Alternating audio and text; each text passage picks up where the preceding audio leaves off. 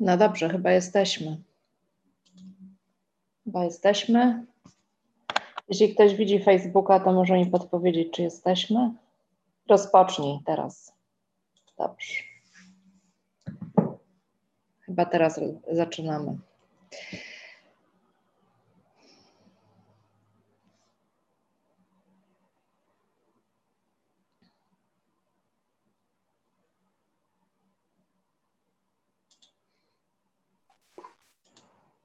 Tak jest, jest wszystko na fejsie. To jest, dobrze. Dobrze, a ja wracam tutaj. Bardzo mi miło wszystkich widzieć na drugim spotkaniu pauzowego klubu książkowego. Będziemy dzisiaj rozmawiać o książce Teres Boman, szwedzkiej pisarki Ta druga.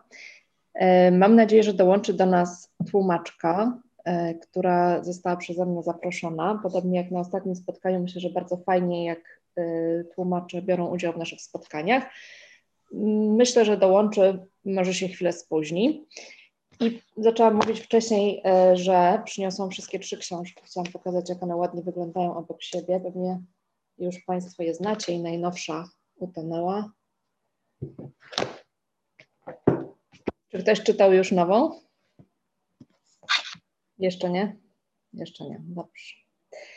No dobrze. To ja zadam jak zwykle tradycyjnie już e, po raz drugi e, pierwsze pytanie, e, bo ciekawi mnie tło społeczne tej książki i jak je odczytujecie, bo było bardzo dużo recenzji, bardzo dużo uwag dotyczyło samej kwestii zdrady w tej książce. Kto jest winien zdradzie, kto jest za nią odpowiedzialny, co z niej wynika, czy bohaterka jest strasznie złym człowiekiem, czy nie jest i tak dalej. I o tym sobie też możemy później porozmawiać.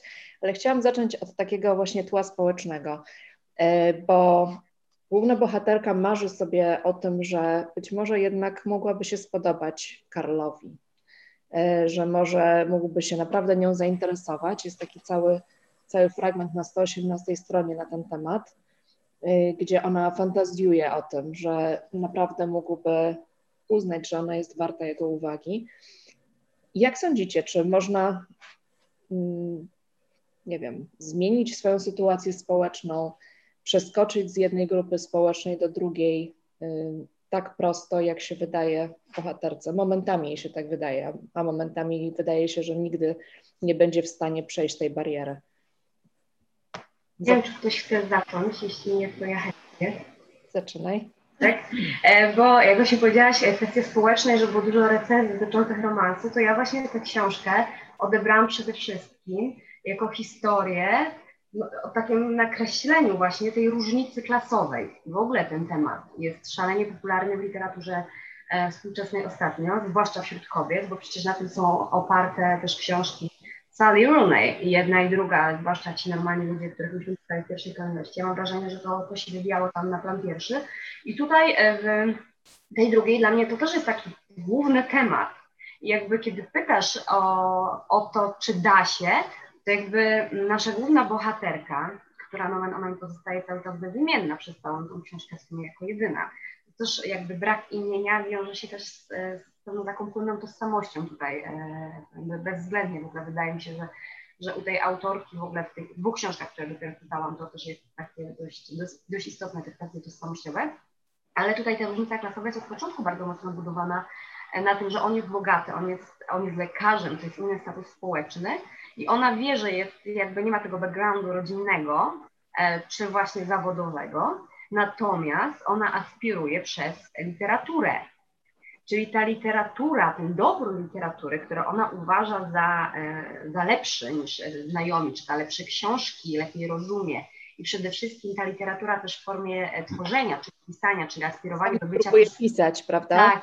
Aspirowanie do bycia pisarką wiąże się dla niej z takim właśnie przeskokiem społecznym, tej dra- parę stopni w tej drabinie, że tylko w ten sposób ona może nagle ten status zmienić.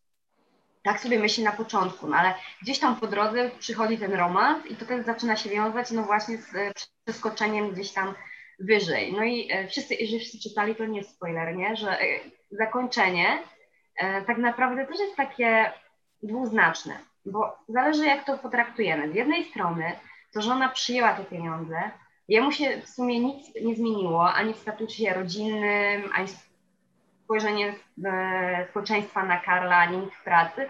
W zasadzie jego to nic nie kosztowało. On został na, na tym punkcie, w którym został. A ona no, spełniła w jakiś sposób, zostawia pierwszy krok do spełnienia tego swojego marzenia, co może jej pozwolić w przyszłości no, trafić do tej wyższej klasy społecznej, powiedzmy.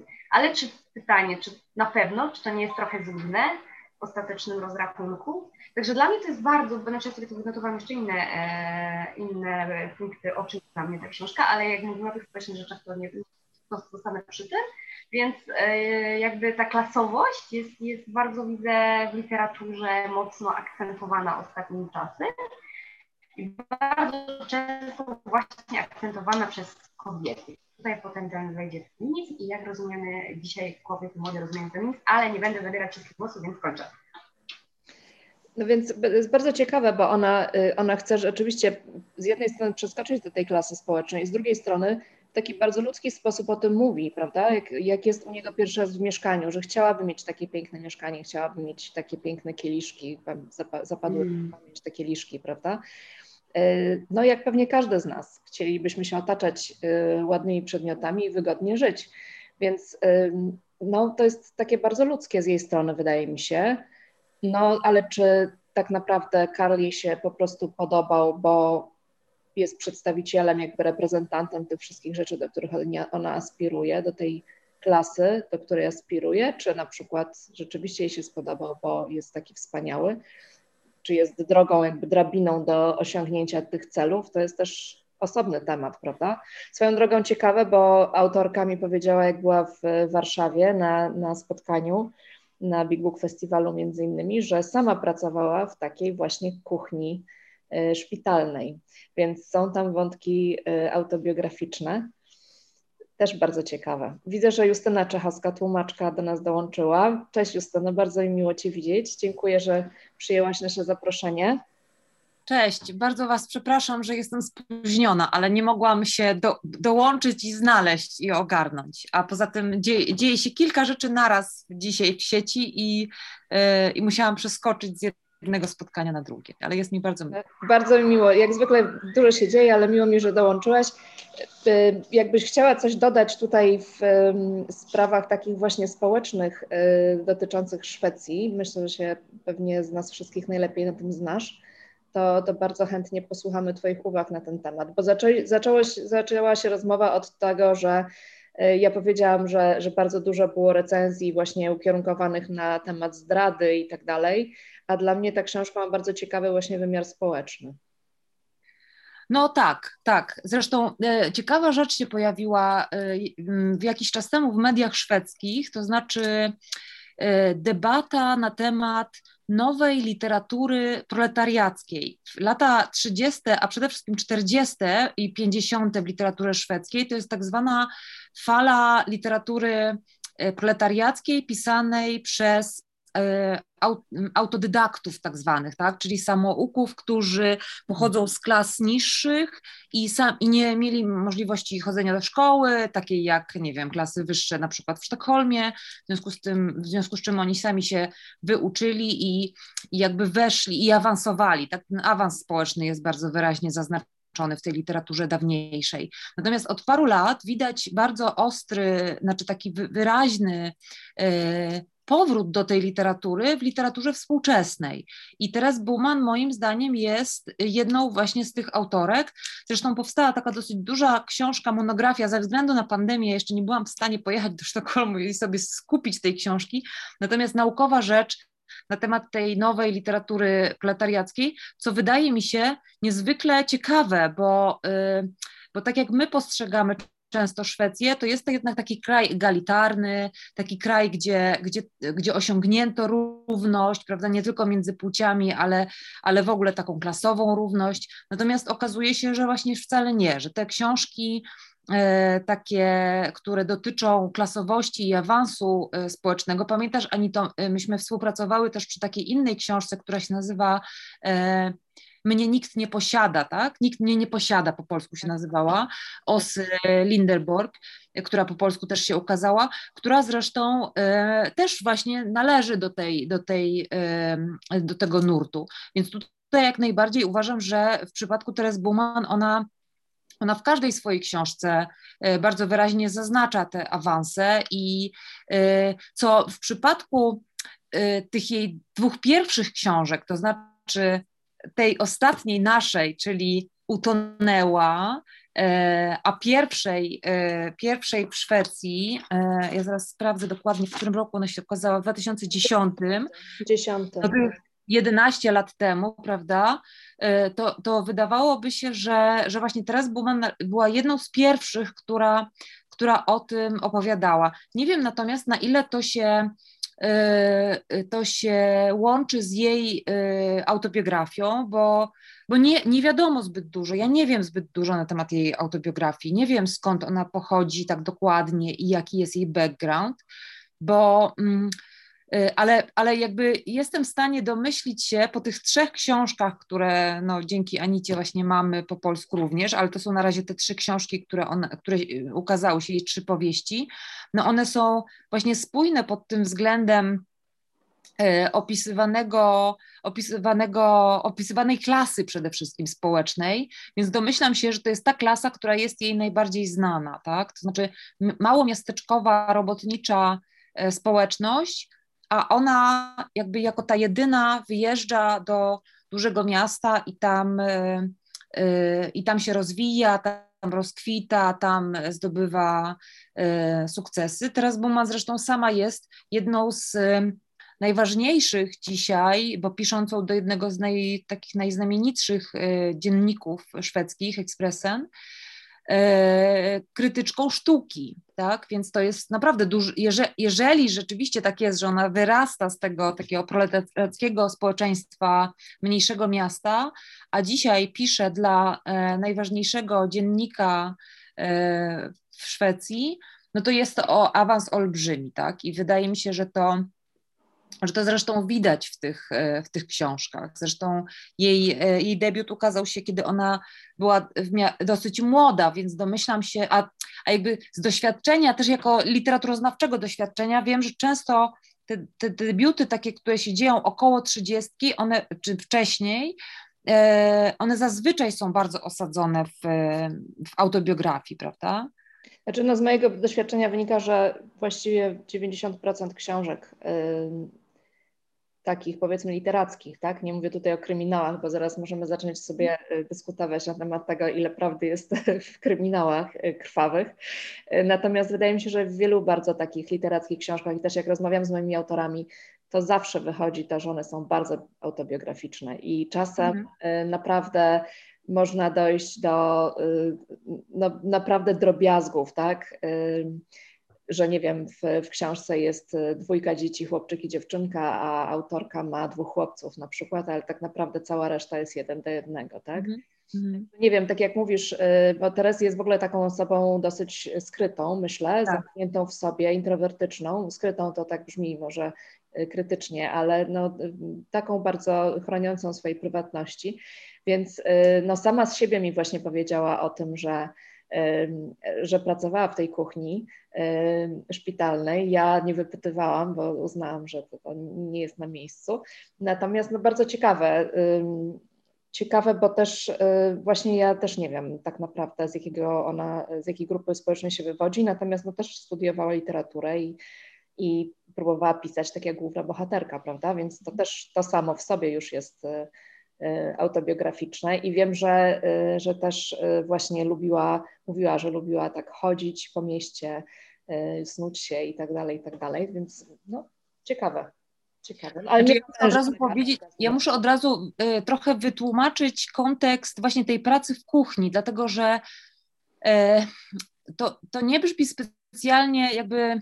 Y, no, to nie, nie brzmi glamour, prawda, pracowanie w kuchni, to, to, to, to jasna sprawa. Natomiast yy, i rzeczywiście jest tak, że ja yy, niewielu znam polskich autorów, którzy właśnie albo by się przyznawali, albo faktycznie by pracowali, czy to w kuchni, czy nie wiem, sprzedawaliby bilety w kiosku, czy by wykonywali właśnie taką jakąś bardzo prostą pracę e, dla zarobku, czy nie wiem, pomagali osobom.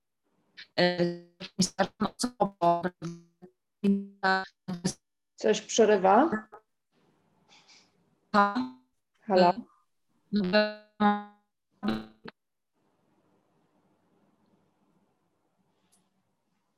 Coś. Halo, halo, czy ktoś mnie słyszy?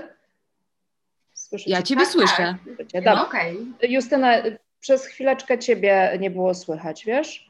No okej, okay. to co ja chcę powiedzieć, zaraz się już wyłączę, to to, że w Szwecji znam wielu autorów, takich naprawdę już teraz wybitnych autorów, którzy kiedyś pracowali właśnie z takimi bardzo prostymi pracami, to znaczy wykonywali, no nie wiem, znam wybitnego poetę i tłumacza, który pracował w, w kasie biletowej w metrze, tak? Albo najróżniejsi ludzie, którzy, mnóstwo znam naprawdę młodych osób, które, znaczy już teraz w średnim wieku osób, które odbiły się od tego, że studiując pracowały y, no nie wiem, pomagając właśnie starszym ludziom w domach, w domach starości, tak?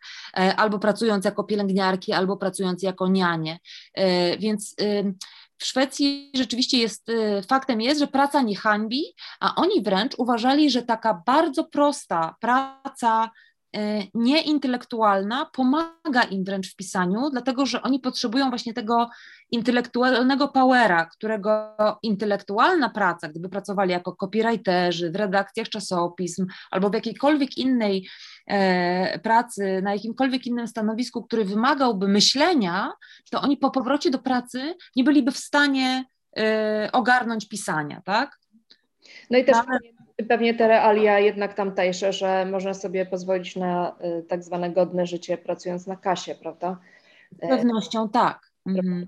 Więc, też y, inaczej, w ogóle inaczej ludzie tam podchodzą do pracy właśnie, do takich prac jak, nie wiem, barista w kawiarni, gdzie mhm.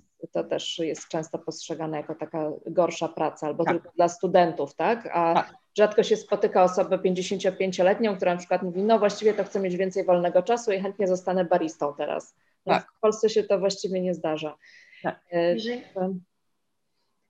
jeżeli mogę coś dodać do tego, co mówiła Pani Justyna i teraz to, to a propos tego, że w Polsce raczej nikt się nie przyznaje do tego typu rzeczy, rzeczy że gdzieś tam robi jakieś takie właśnie, sprzedaje w kiosku ruchu, czy robi elementy, to jest taka jedna osoba, która wykonała w zeszłym roku, która to zrobiła, ale jest to młoda dziewczyna, myślę o Pustostanach, e, Doroty Kodas, która e, z tyłu zaznaczyła sobie to takie bujne CV w przedziwnych różnych pracach, także, a co do tych autobiograficznych wątków, to myślę, że autorzy szalenie byli um, na nas obrażeni, E, jakby na tej dyskusji, bo jeżeli e, jest też taka tendencja, i to, i to jest problematyczne, bo my jako czytelnicy mamy to do siebie, że szukamy szalenie tej, tego miecha, tej prawdy, gdzie tu jest, co się wydarzyło naprawdę w życiu tego autora, który sprzedaje nam tą książkę jako prozę. I e, odchod, jakby na naszym polskim rynku to poszukujący teraz moim zdaniem taki duży problem ma Mira Marcinów z Bezmatkiem bo ona czasami sama językowo e, wpada w pułapki mówienia ja zamiast moja bohaterka czy moja narratorka. I myślę, że też e, im autorzy mniej o sobie mówią, tym chyba lepiej, więc może dobrze, że, że, że ta nasza, może nie, jak po szwedzku się czyta nazwisko Boman? Bo... Bo, Boman, Boman, tak. Boman albo Buman, właściwie to chyba Buman, ale jakby... No więc myślę, że ona może ma to już przepracowane i jakiś ma pomysł na siebie w ten sposób, że rzeczywiście nie chce być taką osobą publiczną i łączyć gdzieś tam e, swojej biografii, no bo te książki ma jednak specyficzne i no tutaj na pewno na dużą jakąś dyskusję społeczną by mogła się na jakąś no, minę, że tak powiem, wejść i, i rozpocząć jakby grzebanie w takim prywatnym życiu, nie? Bo to są książki, które gdzieś tych bohaterek no nie lubi się, to nie są bohaterki do lubienia, to są bohaterki, tak. które nam pokazują, ale dlaczego my te bohaterki z jednej strony, e, dlaczego się to dobrze czyta, dlaczego my jakoś empat, jak, jakaś empatia jest mimo wszystko do tych bohaterek, wydaje mi się, u większości czytelników, tak jak przeglądam na przykład recenzję, czy też dlatego ja tej bohaterce z jednej strony ją rozumiem, z jednej strony jej współczuję, z jednej strony jeszcze coś tam innego, czy tam się na nią denerwuję, dlatego, dlatego że te bohaterki, które e, kreuje Buman są trochę tylko jakby my nie chcemy się przyznać, że mamy takie przemyślenia, że mamy takie zachowania. One pokazują taką najgorszą stronę, którą my udajemy, że jej nie mamy, którą jej, której nie upubliczniamy. Udajemy, że jesteśmy lepsi niż, niż ci bohaterowie, że nie mamy takich przemyśleń, że, że to nawet um, tutaj jest taka prosta ta relacja z przyjaciółką. Od pierwszej strony jest ta przyjaciółka i ona ma od wielu lat są ze sobą w jakiejś tam relacji, przy czym ta przyjaźń jest zbudowana na jakiejś ogromnej zazdrości, jakiejś takim traktowaniu tej drugiej osoby też takiej, ona jest głupia, ona mnie nie rozumie. I my byśmy chcieli sobie trochę też tak powiedzieć, my jesteśmy fantastycznymi przyjaciółmi, my tak nie myślimy, my przecież tacy nie jesteśmy. No ale tak jak stanąć tak szczerze wobec jakichś tam swoich zachowań i gdyby jakoś krytycznie to popatrzeć, to, to są naturalne, zachowania, jakieś takie emocje negatywne nawet, które pewnie każdy z nas kiedyś w życiu przerabiał. Stąd też takie ciągłe właśnie podkreślenie, zresztą bardzo podobnie było na, e, w ostatniej dyskusji, w ogóle mam wrażenie, że mm, młode kobiety coraz częściej przedstawiają bohaterki właśnie nie do lubienia, E, tylko które, które mają bardzo, bardzo, bardzo dużo różnych twarzy, pełnią bardzo dużo różnych ról, z których się chcą wymknąć. One nie chcą być wepchane w tą rolę i nie chcą w niej tkwić i nie chcą być takie jednoznaczne. Ale ciekawe, że mówimy, że ich nie lubimy, bo to właśnie padło a propos, tak jak wspominasz na poprzednim klubie, a propos idy z dorosłych. Tak. tak. Bohaterka, która mówi wprost o różnych niezbyt może miłych myślach, które ma, więc jest właściwie bardzo otwarta wobec nas, czytelników a jednak właśnie nie wzbudza sympatii, bo nas to troszeczkę chyba rozstraja. Widzę, że Ania tutaj chyba podnosiła rękę. Ania, tak. coś chciałaś powiedzieć? Tak, ja chciałam dodać e, do tego pierwszego punktu, który wymieniłaś, tego awansu społecznego, e, bo skupiłaś się bardziej na tej finansowej stronie. Ja wyczytałam w tej książce przede wszystkim to, że ta główna bohaterka e, tego awansu w swojej głowie nie przerobiła, bo ona dostanie te pieniądze. Zakładam, że wyjazd do tego Sztokholmu to tak jak w Polsce wyjazd do Warszawy, to jest jakiś awans, ale jeżeli ona tego w swojej głowie nie przerobi, tego swojego stosunku do Emily i tam do tych osób, które Karla i jego rodziny, to ona mimo pieniędzy, mimo skończenia studiów, moim zdaniem nigdy z tej klasy się nie wyrwie. I to jest, y, tam jest dużo w tej książce tych jej przemyśleń.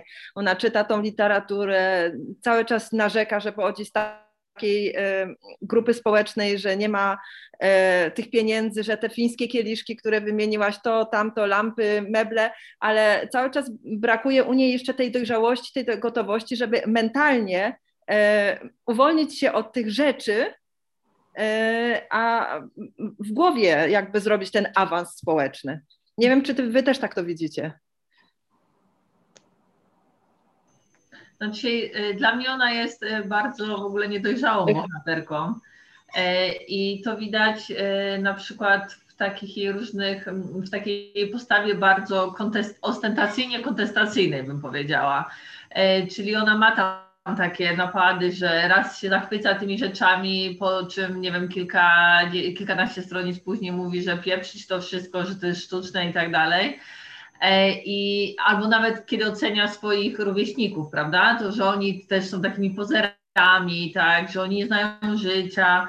E, zacytuję się w tym Dostojewskim, co jest oczywiście strasznie pretensjonalne i tutaj chyba za to najbardziej, bo ja nie lubię akurat tej bohaterki. E, I no tak, no jest tak, no jest E, na pewno jest według mnie bardziej niedojrzała niż wywołana już tutaj Ida.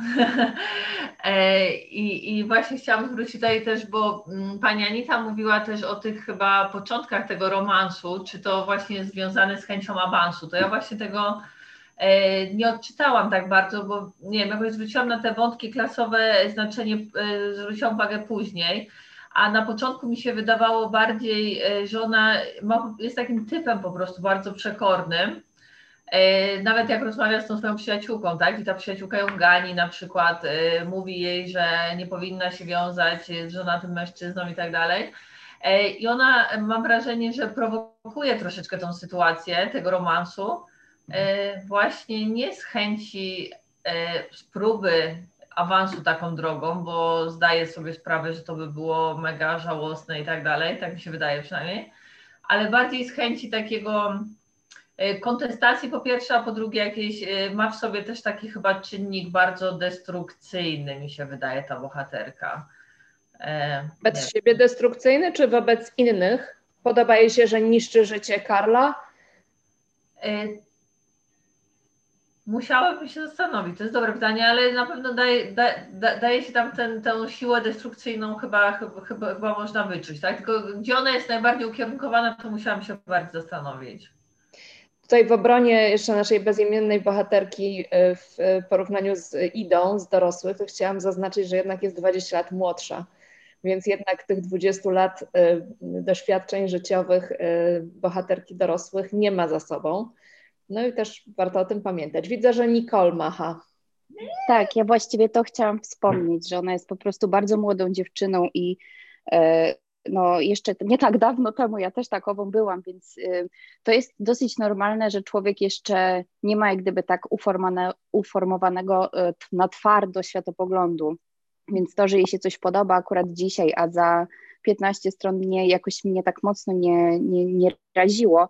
I też to, że prowokowała jak gdyby te sytuacje, ja to tak odebrałam, że robi to po to, żeby coś przeżyć, po prostu, żeby wyjść z tej rutyny, żeby się wybić z tego szarego świata surówek w, w tej stołówce. I, I też właściwie to, że jeśli ona kiedyś ma być twórczynią i jeśli faktycznie 90% literatury jest w jakiś sposób e, związanych z biografią e, pisarza, pisarki, no to potem mogłaby to wykorzystać w swoim materiale, e, jeśli by w końcu przeszła do tego pisania.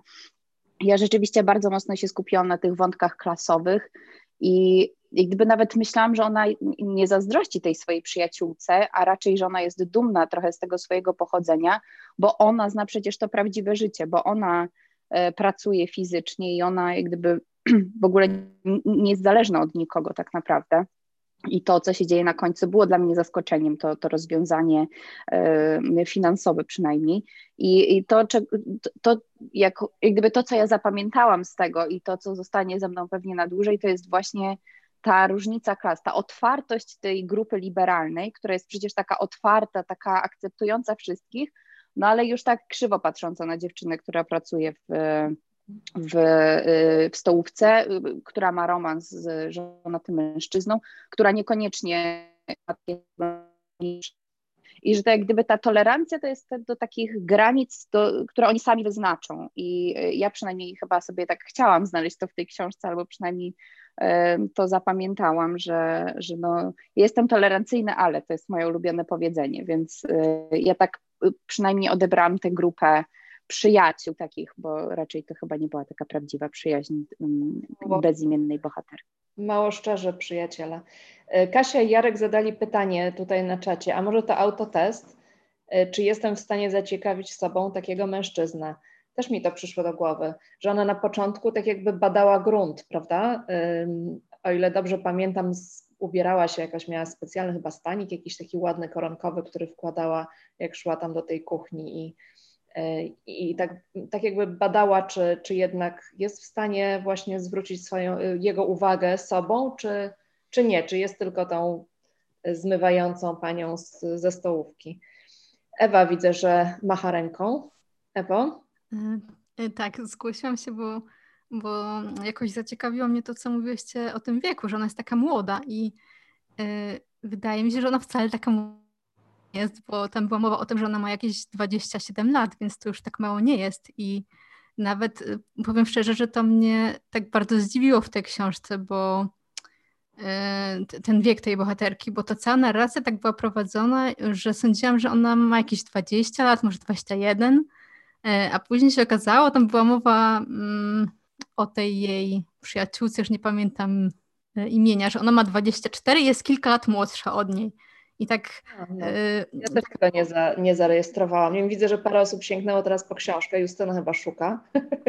Zgadza się, tak było. I jakoś tak mnie to, to mega zdziwiło, dlatego że w Polsce raczej się nie traktuje tak już 27-latki jako jakiejś takiej super młodej osoby, która jeszcze może studiować, co chce i może mieć tą beznadziejną pracę, bo jeszcze całe życie przed nią. I tak może to jest y, pytanie do, do tłumaczki też, czy tak faktycznie w Szwecji jest, że, że, mm, że taka osoba no, już w zasadzie bliżej 30 niż 20 to jest dalej y, taka osoba, przed którą cały y, świat jeszcze stoi otworem, czy to jest już raczej człowiek w średnim wieku, bo ja mam takie jakieś poczucie, że, że tak trochę w Polsce jest. I nie wiem, czy to są jakieś kulturowe różnice, czy po prostu, nie wiem, może, może dla mnie to było takie jakieś y, dziwne w tym. Ja myślę, że tutaj znowu, znaczy muszę powiedzieć, że dzisiaj powiedziałam do mojego kolegi, który ma 42 lata, y, że jest białym mężczyzną w średnim wieku, to się prawie obraził. E, natomiast e, no jest białym mężczyzną w średnim wieku, no nie da się ukryć. E, natomiast czy tutaj nie, nie sądzę, że są jakieś różnice kulturowe, ale jest jakieś przesunięcie, no przecież zupełnie jest przesunięcie, jeżeli chodzi o to, kiedy kobiety decydują się na dzieci. Również w Polsce kobiety dużo później niż zwykle mają dzieci. Natomiast jeżeli chodzi o studia, to rzeczywiście w Szwecji jest taki system, że na studia można pójść dużo później niż w Polsce. W Polsce zazwyczaj jeżeli ma się iść na studia, to się kończy liceum i zaraz idzie na studia i w wieku 23-24 lat człowiek właściwie jest gotowy. Nie? Natomiast y, w Szwecji często jest tak, że pracuje się dorywczo, albo się podróżuje, albo pracuje i potem podróżuje przez parę lat. E, potem się na przykład zaczyna pracować już może mniej dorywczo, bo cały czas się zastanawia człowiek, e, co chce robić, i mnie zdarzyło ja byłam właściwie jedną z niewielu osób w liceum, bo ja skończyłam liceum w Szwecji, ja byłam jedną z niewielu osób z mojego liceum, które zaraz po szkole poszły na studia bo ja byłam jakby przy, przyzwyczajona do tego systemu polskiego, bo wszyscy moi rówieśnicy w Polsce szli na studia, natomiast wielu moich znajomych wcale nie. Oni długo właśnie siedzieli i się zastanawiali, co by chcieli robić, próbowali tego, tamtego. I ja mam wrażenie, że tutaj bohaterka jakby należy do yy, właśnie do tej kategorii ona mm, jakby dosyć późno decyduje, bo ona, bo ona przecież też jest w trakcie jakichś studiów, ale ma je nieskończone, to są jakieś takie pojedyncze kursy, które ona robi na tym uniwersytecie, prawda? E, a nie jest taką studentką pełną gębą, w związku z tym, w związku z czym ona e, wydaje mi się, że nawet jeżeli ma 28 lat, to ma prawo czuć się właśnie tą, może nie wiekiem, ale jakby stat, statu, statusem y, ma prawo czuć się młodsza, ale wydaje mi się, że że, że rzeczywiście, że to zależy trochę właśnie od tego, że ona ciągle przecież chodzi na imprezy, jej rówieśnicy chodzą na imprezy, no jakby osoba w ustatkowana w średnim wieku to nie jest osoba, która, która właśnie tak sobie bierze kochanka, mieszka w wynajętym mieszkaniu i chodzi na imprezę, nie? E, raczej tak o tym nie myślimy. Też ciekawe, wczoraj y, jeden z czytelników y, takich, y, powiedzmy stałych czytelników pauzy, widzę, że często komentuje i, i pisze na Facebooku o książkach pauzy, napisał właśnie o tej drugiej, że stary dziadyga się zakochał w, w, młodej kobiecie. No dla mnie on też nie był starym dziadygą, bo też chyba miał 45 lat bodajże, tak. prawda? I raczej różnica między nimi jednak nie była różnicą pokoleniową ja to odebrałam, że no był starszy i miał żonę i miał dzieci, no ale no nie było to dla mnie takie oczywiste, tak, że to jest pokolenie, chociaż może z drugiej strony, skoro był y, ojcem Alex, no to właściwie jest to różnica pokoleniowa, tak, w sumie, chyba trochę sama sobie teraz zaprzeczam. Tak. Przepraszam, ja tu muszę, bo po prostu jak słyszę o tym wieku, to, to, to, to, to jest straszne. Ja nie wiem, skąd, skąd znowu mamy e, to dorośli, to była poprzednia książka, o której mówiliśmy. Ja nie wiem skąd to znowu ten kontekst wieku taki jest, bo to jedyna, dla mnie jedyna czegoś poszukiwania z wiekiem to jest zagranie na tej kliszy, że starszy mężczyzna, młodsza kobieta, ona jako ta trzecia. E, ja w ogóle nie zwróciłam na to uwagi, na, znaczy ile ona może mieć lat. No studiuje, w różnym wieku można studiować, jakby e, może, może nawet niekoniecznie chodziło mi w, o, w, takim sensie, że, mm, że tylko y, o to, że ona studiuje jeszcze. Chodziło że mi nie też... ma mieszkania, czy dzieci, rodziny? Jakby... Nie, nie, raczej chodziło mi po pierwsze o tej przemyślenia, że one raczej mi się tak kojarzyły z dużo młodszą osobą że takie jakby patrzenie na to, y, czym jest feminizm i tak dalej, to jakoś tak wszystko mi się kojarzyło z jednak osobą, która ma dwadzieścia kilka lat, a nie, nie 27, bo to już jest dla mnie wiek, w którym ale dlaczego? Że, że wtedy już jest, nie wiem, ukształtowaną osobą szalenie jakby konkretnymi poglądami, ani w te, ani we w te, bo... Że ma się jakieś poważniejsze rozkminy, tak bym to mm, przyjęła ale z drugiej A jakby, strony... że jej rozkminy nie były poważne, tak? No, wydawało mi się takie naiwne trochę y, te jej rozważania. E, a z drugiej strony mam wrażenie, że w tej książce było tak często podkreślane, że ona jest bardzo młoda, że on jest stary, a ona jest młoda. I, i faktycznie ta różnica wieku między nimi tak naprawdę nie okazała się taka duża. I, i to było dla mnie takie trochę zdziwienie w tej książce, że, że tak naprawdę mówimy o 27-latce i o jakimś tam mężczyźnie koło 50. 50. Więc Ale nie jest ten inny, jakby ten wiek wybrzmiał tutaj nie tyle wiek wchodzi, tylko właśnie status społeczny. Jakby, no to, to na pewno. Znaczy tak dla mnie, nie? Jakby, to jakby ten status zmieniał ich kontekst życia po prostu. A to, co my też e, mówiliśmy, wracaliśmy kilka razy, dlaczego ona weszła w ogóle w te, w te relacje i ten feminizm, który padł, a no właśnie e, ktoś powiedział o tej przekorze, ale nie wiem, czy to jest kwestia przekory, czy też tego, że mm, mamy pewne wyobrażenie o tym, czym jest feminizm i jak powinna się zachowywać, jakich wyborów powinna e, dokonywać e, feministka i trochę to chyba gdzieś tam podskórnie w tej e, książce pada, że to powinna być gdzieś tam mocno wyzwolona e, kobieta, raczej samotna, nie potrzebująca faceta do tego, żeby czuć się spełnioną.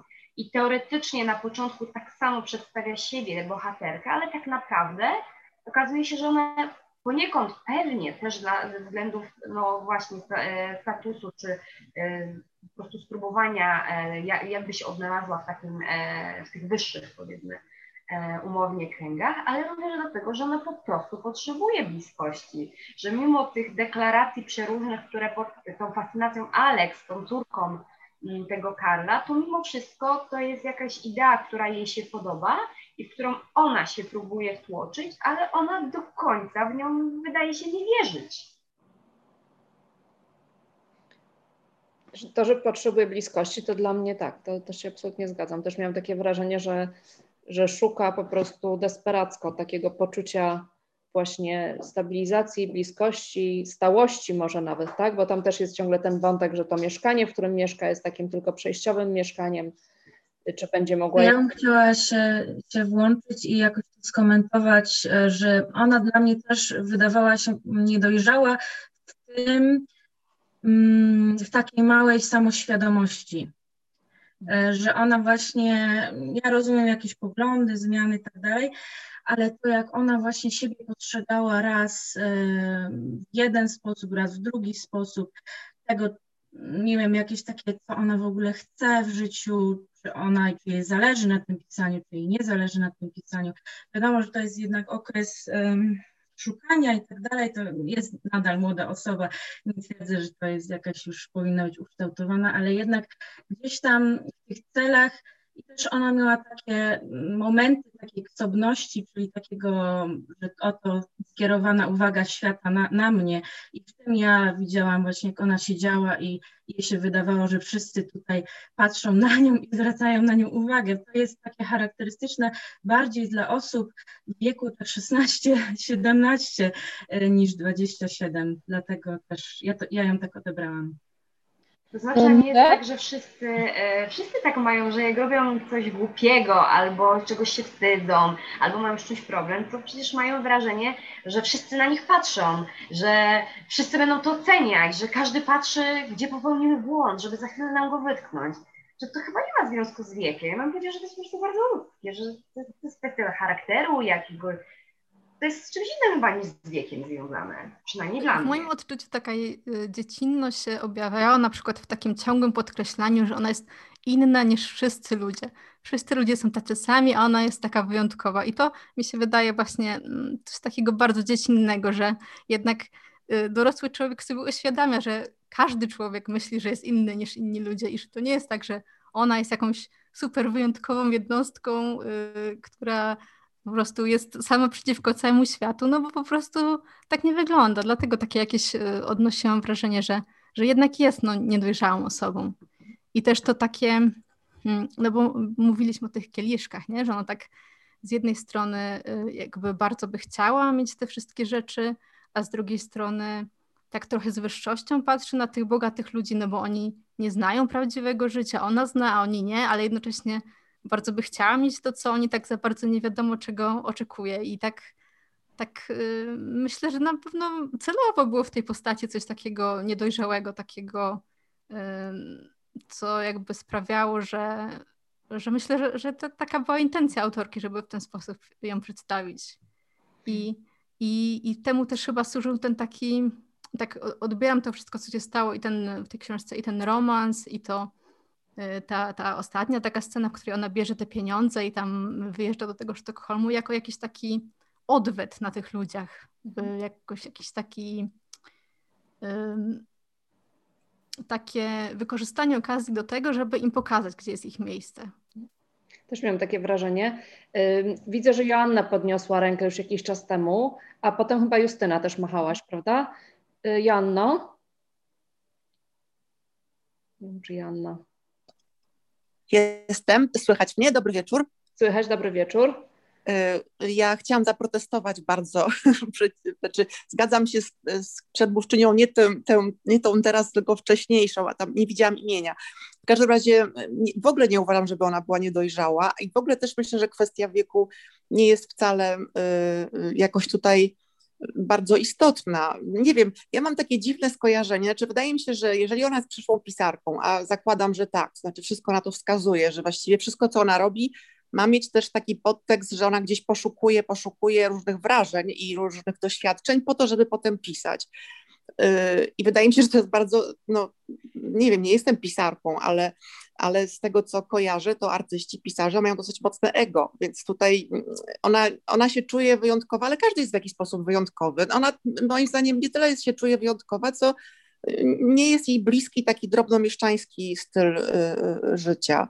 E, więc y, no, ona by chciała inaczej. No, nie wiem, czy teraz dobrze w ogóle może się oburzycie na mnie, ale bardzo teraz jest głośno o Agnieszce Osieckiej ostatnio. I ja mam takie skojarzenie, zresztą można powiedzieć, że Agnieszka Osiecka była niedojrzała, no bo jakby y, też ją fantazja niosła w różne strony, prawda? I, no, tylko, że ona już pisała, wiedziała, że chce pisać i pisała. Ta dopiero chce. No nie wiem, w ogóle się z tym wszystkim, co tutaj było wcześniej mówione, nie zgadzam. Ani a propos dojrzałości, ani a propos, e, te, znaczy wydaje mi się, że ten wiek, e, jeżeli chodzi o e, tego mężczyznę rzeczywiście jest istotny, bo to naprawdę jest różnica pokoleń. Facet, który już jest ustabilizowany, który już ma nawet drugą żonę, który no, ma świetne mieszkanie, jest lekarzem od iluś tam lat, prawda? To, to, to jest różnica pod każdym względem. No, ona poszukuje, a on już wszystko właściwie ma, można powiedzieć, dorosłą córkę. Więc ta różnica jest istotna, nie tylko e, statusu społecznego, ale też e, e, takiego miejsca w życiu na jakimś tam etapie. Z tym, że ja podejrzewam, że ona będzie całe życie taka szalona. Nie, nie wyobrażam sobie jej w, takim, w takiej roli właśnie ustawionej żony, y, która ma męża, dzieci i taka jest bardzo ustabilizowana. Tak, jej sobie w takiej sytuacji nie wyobrażam. A jeszcze chciałam dodać, że ja bardzo lubię tę bohaterkę, że w ogóle sprzeciwiam się temu, żeby jej nie lubić. Ja, ja ją lubię. Na czacie, że pisałaś, ja lubię bohaterkę, ja lubię bohaterkę. Właśnie też chciałam o tym powiedzieć. No ja też nie mam jakiejś takiej antypatii wobec niej. Mogę powiedzieć, że mam y, mieszane uczucia, ale momentami, y, momentami czułam do niej sympatię momentami była też irytująca, ale też chyba jestem daleka od oceniania jej pod kątem na przykład właśnie tej zdrady, tak? Bo też pewnie zaraz może, może przejdziemy do tego wątku, ale, ale też wydaje mi się, że bardzo łatwo jest oceniać y, osoby, które się tak zachowują, tak? Zarówno Karla zresztą, jak i ją, tak?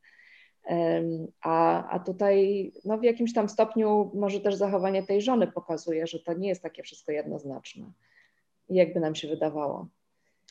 E, Justyna, coś chciałaś powiedzieć wcześniej? Tak. Ja chciałam zwrócić uwagę na to, co na czacie napisała pani Natalia Królikowska.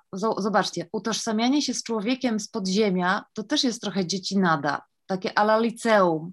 I ja się z tym absolutnie zgadzam i strasznie pani dziękuję, pani Natalio, dlatego że ja E, I to, moim zdaniem to właśnie to utożsamianie się i cytowanie Dostojewskiego w jakimś sensie mnie też kojarzy się z liceum.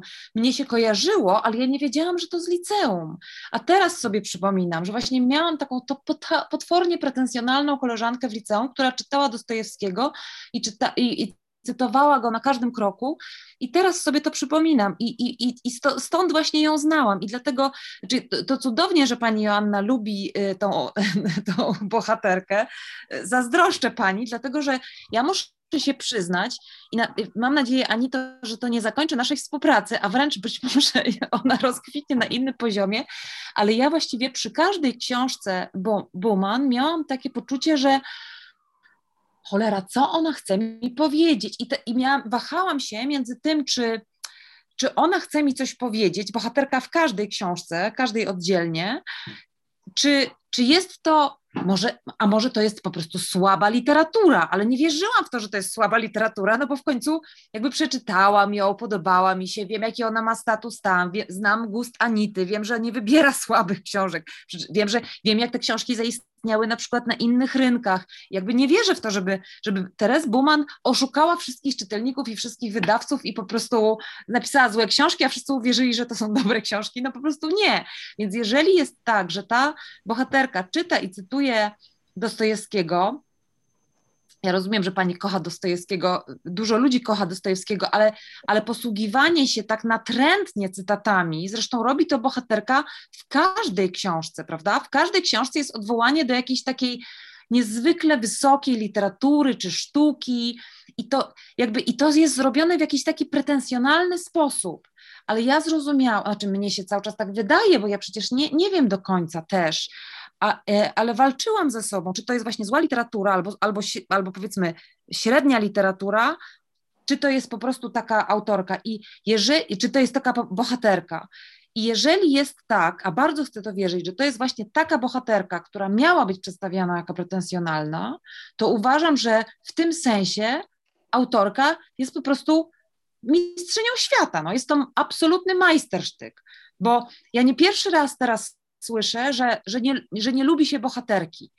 No dobra, no, ale mnie się na przykład bardzo rzadko zdarza nie lubić bohatera, aż tak bardzo nie lubić bohatera. Po prostu pukać się w czoło na każdym, na, na każdym zakręcie. No przecież Karolina z pierwszej książki naszej, znaczy naszej po polsku w tym sensie, tak o zmierzchu, to jest 40-latka, tak około, tak? Ona tam 40 plus ma. A ona też jest jakoś durna w pewnym sensie. No po prostu robi jakieś durne takie wybory, te przemyślenia takie ma jakieś.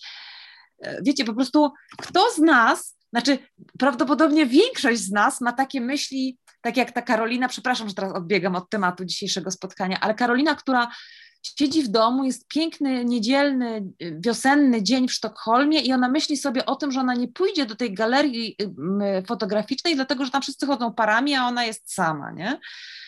E, a to ja sobie... w, tym, w tym barze, jak wchodzi do baru i e, jakoś tam ogląda się w lusterku, czy nie pamiętam, czy odbicie w, w szybie i myśli sobie, ojej, stara jestem i po prostu brzydko wyglądam i to no tak, no dokładnie, dokładnie, ona jest, tak, albo właśnie cała ta, cały ten wywód na temat kremu różnego, którego ona używa teraz, prawda, i który jakby teraz dopiero jest jej potrzebny, bo teraz ona potrzebuje elastycznej no to właśnie to chciałam powiedzieć, przepraszam, rozgadałam się, ale chciałam powiedzieć to, że moja walka, a wiecie, a ja przetłumaczyłam, przeczytałam tę książkę co najmniej pięć albo sześć razy, każdą z nich podczas tłumaczenia, więc, e, więc moja walka z poczuciem, że jest to e, zła literatura, średnia literatura, a to, że jest to majstersztyk właśnie dlatego, że ona jest w stanie uchwycić to, to co, czego właśnie my się na co chyba po prostu wstydzimy. Chyba to jest to, nie?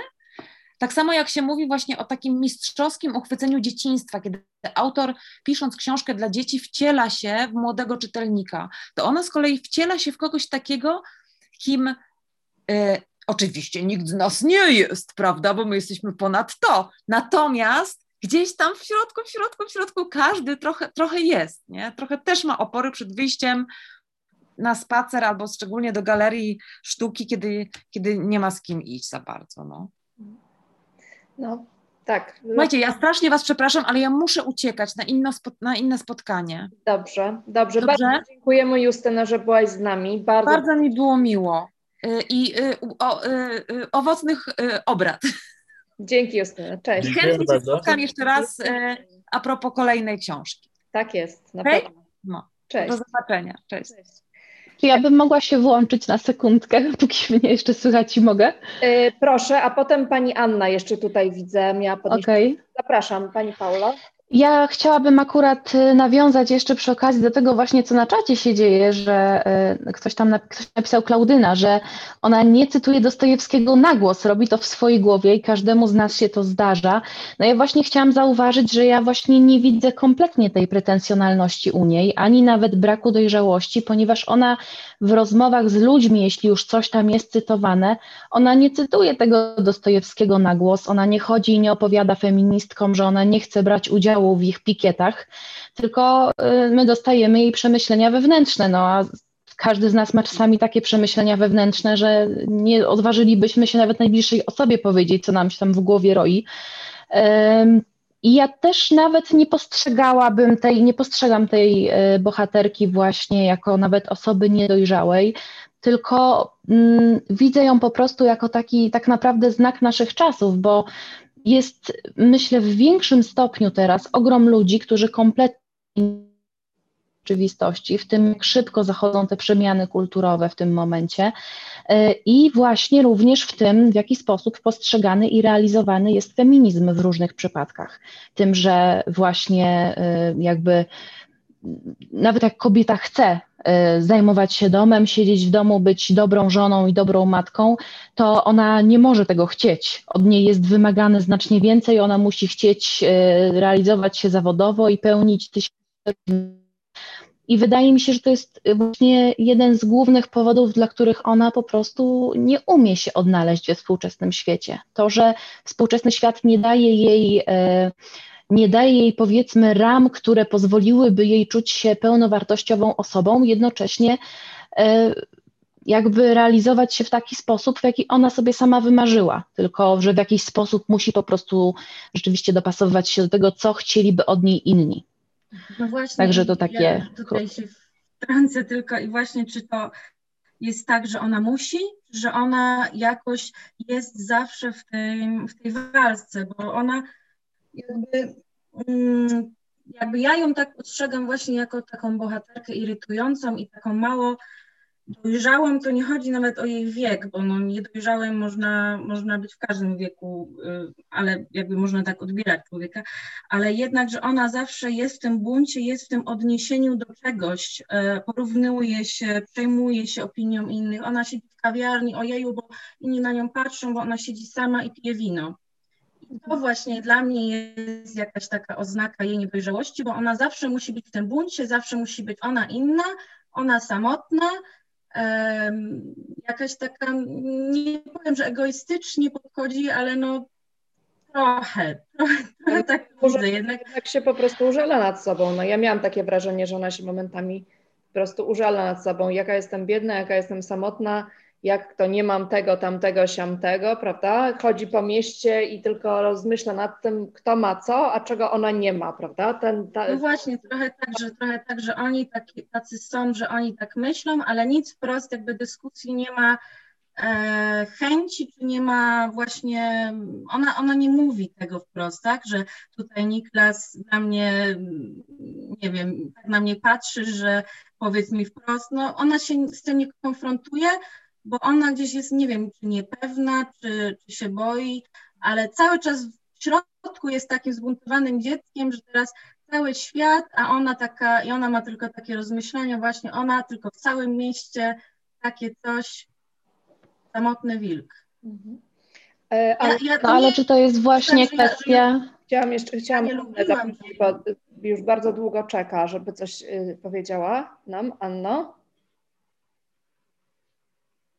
Y, dzień dobry, witaj. Słychać mnie? Tak, słychać. słychać? Dzień dobry. No. Okej. Okay. Chciałam, szkoda, że pani Justyna już poszła, bo chciałam y, właśnie odnieść się do tego, co ona powiedziała a propos pisania y, autorki i do bohaterki, do Karoliny z, z powieści o Zmierzchu, którą też już czytałam. Właśnie mm, mi się, tak, tak, jak powiedziała pani Justyna, że ona się zastanawia, czy te książki są dobre, czy nie, czy, czy, czy coś takiego.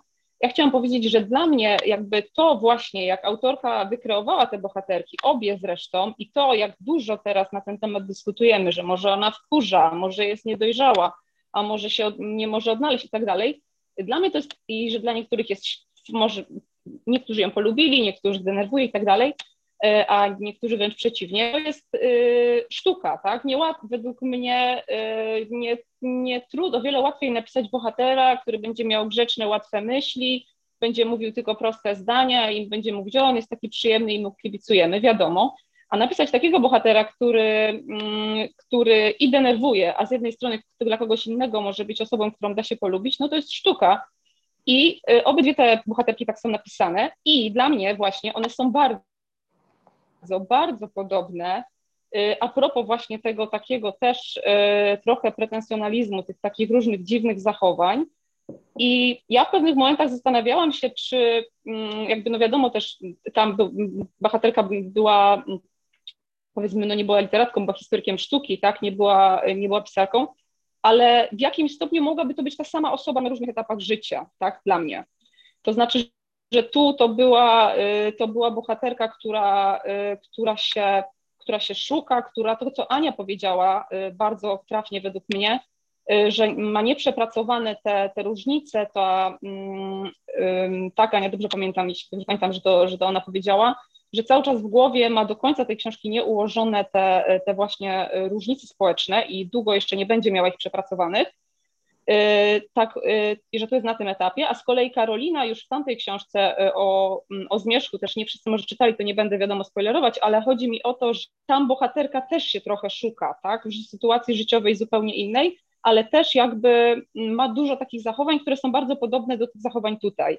I ja czytając tą drugą, jako drugą książkę, y, właśnie takie spostrzeżenie y, miałam, że kurczę, to jest trochę y, bardzo do siebie podobne. Dlatego może jest trafne to, co ty powiedziałaś, Anito, na początku, a propos tej pracy autorki w kuchni, że możliwe, że w tych książkach jest o wiele, wątku, wiele wątków autobiograficznych, które ona tam po prostu świadomie bądź mniej świadomie zawiera i, no i one w ten sposób rezonują. Tyle ode mnie. Ja myślę, bardzo dziękuję. Ja myślę, że na pewno ten taki element poszukiwania, który też y, w trzeciej książce, y, a zarazem pierwszej napisanej przez autorkę, czyli Utonęła, która się dopiero ukazała, tam też jest element poszukiwania siebie, życia, tego, jakby swojej drogi, tego, co nas może cieszyć. Chociaż tak jak, y, jak wiemy, Karolina z, o Zmierzchu już jest na zupełnie innym etapie właśnie wiekowo i, i, i życiowo, ale też poszukuje tak naprawdę. Szuka, poszukuje właśnie jakiegoś, nie wiem, Tutaj Kasia i Jarek napisali, czy y, nie ma może pomysłu na siebie. No może właśnie szuka pomysłu na siebie, jak to się mówi y, potocznie. Mogę, mogę się jeszcze wtrącić na chwileczkę, bo muszę uciekać na e, ostatnie spotkanie. Jasne. Ja chciałam tylko podsumować, e, że mi, mi się ta książka nie za bardzo podobała. E, nie chodzi już o samą bohaterkę, czy mi się podobała, czy nie, tylko porównując ją nawet do dorosłych i do Marii Obert, o której ostatnio rozmawialiśmy, to wydaje mi się, że fajnie, fajnie zestawić te dwie książki, ponieważ one są jak gdyby pisane przez zupełnie inny żywioł prozy. I e, ciekawa jestem, czy są osoby, którym podobała się jedna i druga książka, bo mi te książki wydają się skrajnie różne. E, ja ze wskazaniem na dorosłych. E, Obert jest bardzo precyzyjna, tam według mnie nie ma żadnego jednego zbędnego słowa, żadnej jednej przegadanej czy z drugiej strony niedoinwestowanej sceny. E, według mnie to jest książka, no widać, że Obert też pisze opowiadania, prawda? Ona jest taką, formalnie jest, konstrukcyjnie jest perfekcyjna według mnie. Ja tam nie znalazłam żadnego błędu, jeśli tak można powiedzieć. Z kolei e, tutaj mamy żywioł, tak? Czyli takie trochę życiopisanie.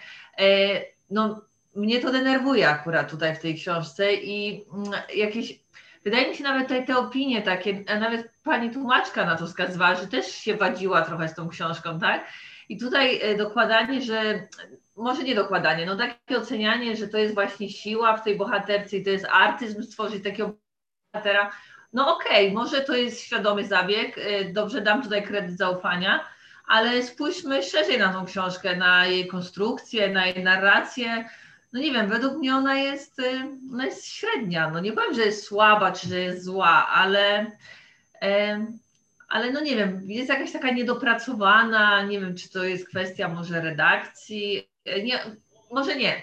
Ona pewnie taka ma być, bo to jest ten inny żywioł, tak? To nie jest właśnie Mari Obert i dorośli, tylko to jest ten żywioł taki bardziej dionizyjski, byśmy powiedzieli. Jest to takie szaleństwo w tym i może w tym jest sztuka dla kogoś, ale mm, no dla mnie ona kuleje w wielu miejscach, ta, ta książka po prostu. Jako, jako całość, jako powieść, jako pewna skończona forma, to y, ma wiele miejsc po prostu słabych i, tyle tym zakończę, ale zachęcam innych, żeby się odnieśli i bronili może, bo pewnie e, wielu osobom się podobała. Ja chciałam, ja jestem nieobiektywna, bo mi się wszystkie książki, które wydaję, podobają, natomiast a propos bohaterek, to myślę, że za miesiąc, jeśli Natalia będziesz miała ochotę dołączyć i będziemy rozmawiać o moim roku relaksu i odpoczynku, to tam dopiero jest bohaterka, o której muszę długo mówić.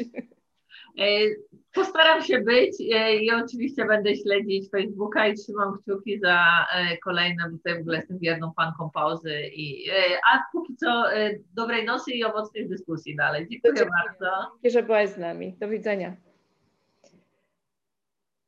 A komu jeszcze się nie podobała książka? Może teraz od tego zacznijmy. nie? Że jakieś... Mm, mi też się nie podobała i w zasadzie mam bardzo do Natalii podobne odczucia, że, hmm. że jeśli porównujemy te dwie książki, tą z zeszłego miesiąca i tą, to, to bardzo mamy w taką podobną bohaterkę i podobne odczucia ona wzbudza, jakieś takie mocne. Mhm. E, ale tam jednak była ta konstrukcja, był ten język, było to naprawdę bardzo dla mnie e, takie przeżycie czytanie tego, a obie książki tej autorki chyba najmniej mi się podobały z wszystkich których pau, pauzowych, które do tej pory czytałam jakoś. Brakuje mi takiej, takiej konstrukcji w tej książce. Mhm. Ciekawa jestem, czy a dasz szansę utonęła tej trzeciej? Czy... Dam, dam, dam, na pewno przeczytam. Bo, bo y, wydaje mi się, że w utonęła jest nie wiem, czy tam nie ma najlepszej konstrukcji, ale no też nie chcę spoilerować, także no, może kiedyś o niej porozmawiamy. E, no i właśnie jestem ciekawa, jak się rozprawimy z, z bohaterką za miesiąc, ale no to jeszcze wszystko przed nami. E, a kwestia, jeszcze chciałam zapytać właśnie o tą kwestię taką e, zdrady i, i tego bohatera i Karla. Czy, czy uważacie, że to jest wszystko jego wina, że ją uwiódł, czy jej wina, czy wina po obu stronach, czy jest jakąś taką strasznie makiaweliczną postacią, która będąc w tej stołówce sobie wymyśliła, że właśnie chce uwieść lekarza. E, Ania Bitner, widzę, podnosi rękę. Tak, e, ja chciałam powiedzieć, że ja w ogóle tego w kategoriach winy nie rozważam. E, po prostu się wydarzyło. Ja nawet nie sądzę, że to było zaplanowane, znaczy ze strony bohaterki nie było chyba zaplanowane tak do końca, ona tylko tak może delikatnie testowała. Ze strony Karla nie wiemy, bo jest bardzo mało przedstawione, co on myśli. E, jedyna rzecz, tak, e, są dwie takie zaskakujące sceny ze strony Karla, to jest e, ta tania bielizna, którą tak bulwersuje, że ona się spodziewała, że on nie kupi jakieś tam seksowne, drogie fatałaszki, a kupił jakiś taki poliester beznadziejny. A druga sprawa jest ta scena w jego gabinecie. Dla mnie ona była prawie przemocowa. Bardzo mi się nie podobała ta scena, jak on ją potraktował i że ona to zaakceptowała. Nie wiem, co o niej sądzicie, ciekawa jestem, co powiecie, ale w kategoriach winy tego zupełnie nie rozważam. Bo moim zdaniem po prostu się wydarzyło, jak się w życiu rzeczy wydarzają. Mhm. Okej. Okay. Joanna, nie wiem, czy podnosisz rękę, czy wcześniej już podnosiłaś? Podnoszę, tak, tam to już skasowałam, Słucham. E, jeśli mogę. Bardzo mi jest bliskie to, co mówiła poprzedniczka a propos winy. Rzeczywiście e,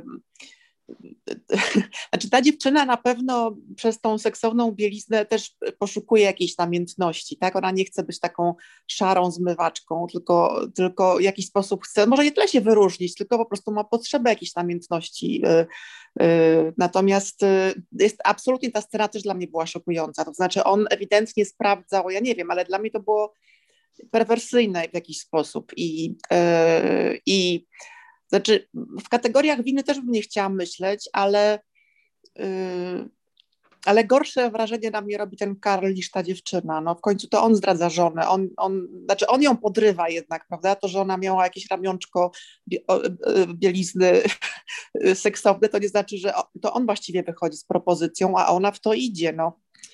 Pytanie, czy, a w ogóle to... Pytanie, czy była pierwsza, tak? Też a no właśnie, to już jest inna sprawa. Wrażenie, że w ogóle i, i żona, i on w ogóle przywykli do takich sytuacji. Nie wiem, może źle to oceniam, tak. ale takie ja miałam wrażenie. Znaczy pytanie jest właśnie, czy prawdą jest to, co mówi Alex, czy prawdą jest to, co mówi jej ojciec, prawda? Bo chyba nie wiemy tego do końca, bo Alex ma kompletnie inną wizję niż, niż e, znaczy interpretację niż ten Karl, więc gdzie jest prawda, tego nie wiemy. Z drugiej strony, coś chciałam jeszcze powiedzieć, z drugiej strony w ogóle teraz powiem co innego, ale ta książka dla mnie mnie zaskoczyło zakończenie i nawet mnie rozczarowało zakończenie, bo mam wrażenie, że jest jakiś happy end niemalże na końcu, że się wszystko tak pięknie rozwiązuje, taki zbieg okoliczności, że akurat tam jest jakieś mieszkanie, dawać ci pieniążki i teraz ona właściwie zaczyna nowe życie.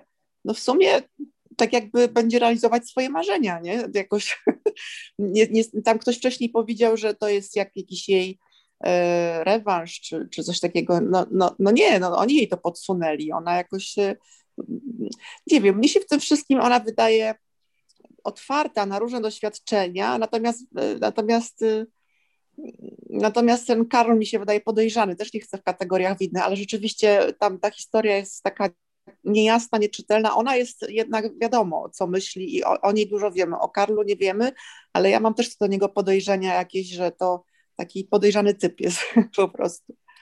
No na, pewno, na pewno wie, y, że jest urokliwy, tak? bo to wielokrotnie wychodzi w tekście, że, że wie, że ma taką siłę, siłę rażenia, tak powiedzmy tak. w skrócie największym. Tak. Y, może Karolina teraz, a później Anna. Y, tak, ja bym chciała nawiązać do tego rewanżu, bo w zasadzie tak padło na, na początku naszej rozmowy, że to zakończenie jest takim jej odwetem. Ja się zupełnie też z tym nie zgadzam. Zgadzam się z poprzedniczką, że e, to w ogóle nie jest jakiś odwet z jej strony. I właśnie wydaje mi się, że w tym zakończeniu trochę wychodzi ta klasowość, że e, pieniądze e, zamożnej, wyższej klasy średniej załatwią wszystko. I wydaje mi się, że tutaj, ja bardziej tutaj widzę tą klasowość, aniżeli na początku bo nie uważam, żeby wplątanie się w ten, w ten jej romans było z jej strony wyrachowaniem. Bardziej to wynika z właśnie może trochę z jej niedojrzałości, z, z różnych cech, ale bardziej charakterologicznych aniżeli e, klasowych. Mhm. Okej. Okay. Ja to powiem Wam szczerze, jeśli mogę, e, że ja nawet wcześniej jakby o tym nie myślałam, teraz mi przyszło do głowy, ja to zakończenie trochę odbieram w taki sposób, jakby to było jakiś, jakiś dowód na w pewnym stopniu jej dwulicowość. Nie wiem, jak to powiedzieć, jakiego słowa użyć. Chodzi mi mianowicie o to, że ona przez całą książkę tak naprawdę mówiła o tym, że nie chce być częścią y, siostrzeństwa, nie chce być femini- znaczy nie chce być feministką. W jakiś sposób nie zgadza się z tym feminizmem, który panuje niby obecnie, a to jej zachowanie na koniec, ta zgoda właśnie na, na te pieniądze, na to mieszkanie, na tą zmianę tego wszystkiego w jej w życiu, jakoś tak teraz przyszło mi do głowy, że to trochę wygląda, jakby ona chciała dopasować się do tego bardzo krzywdzącego stereotypu feministki.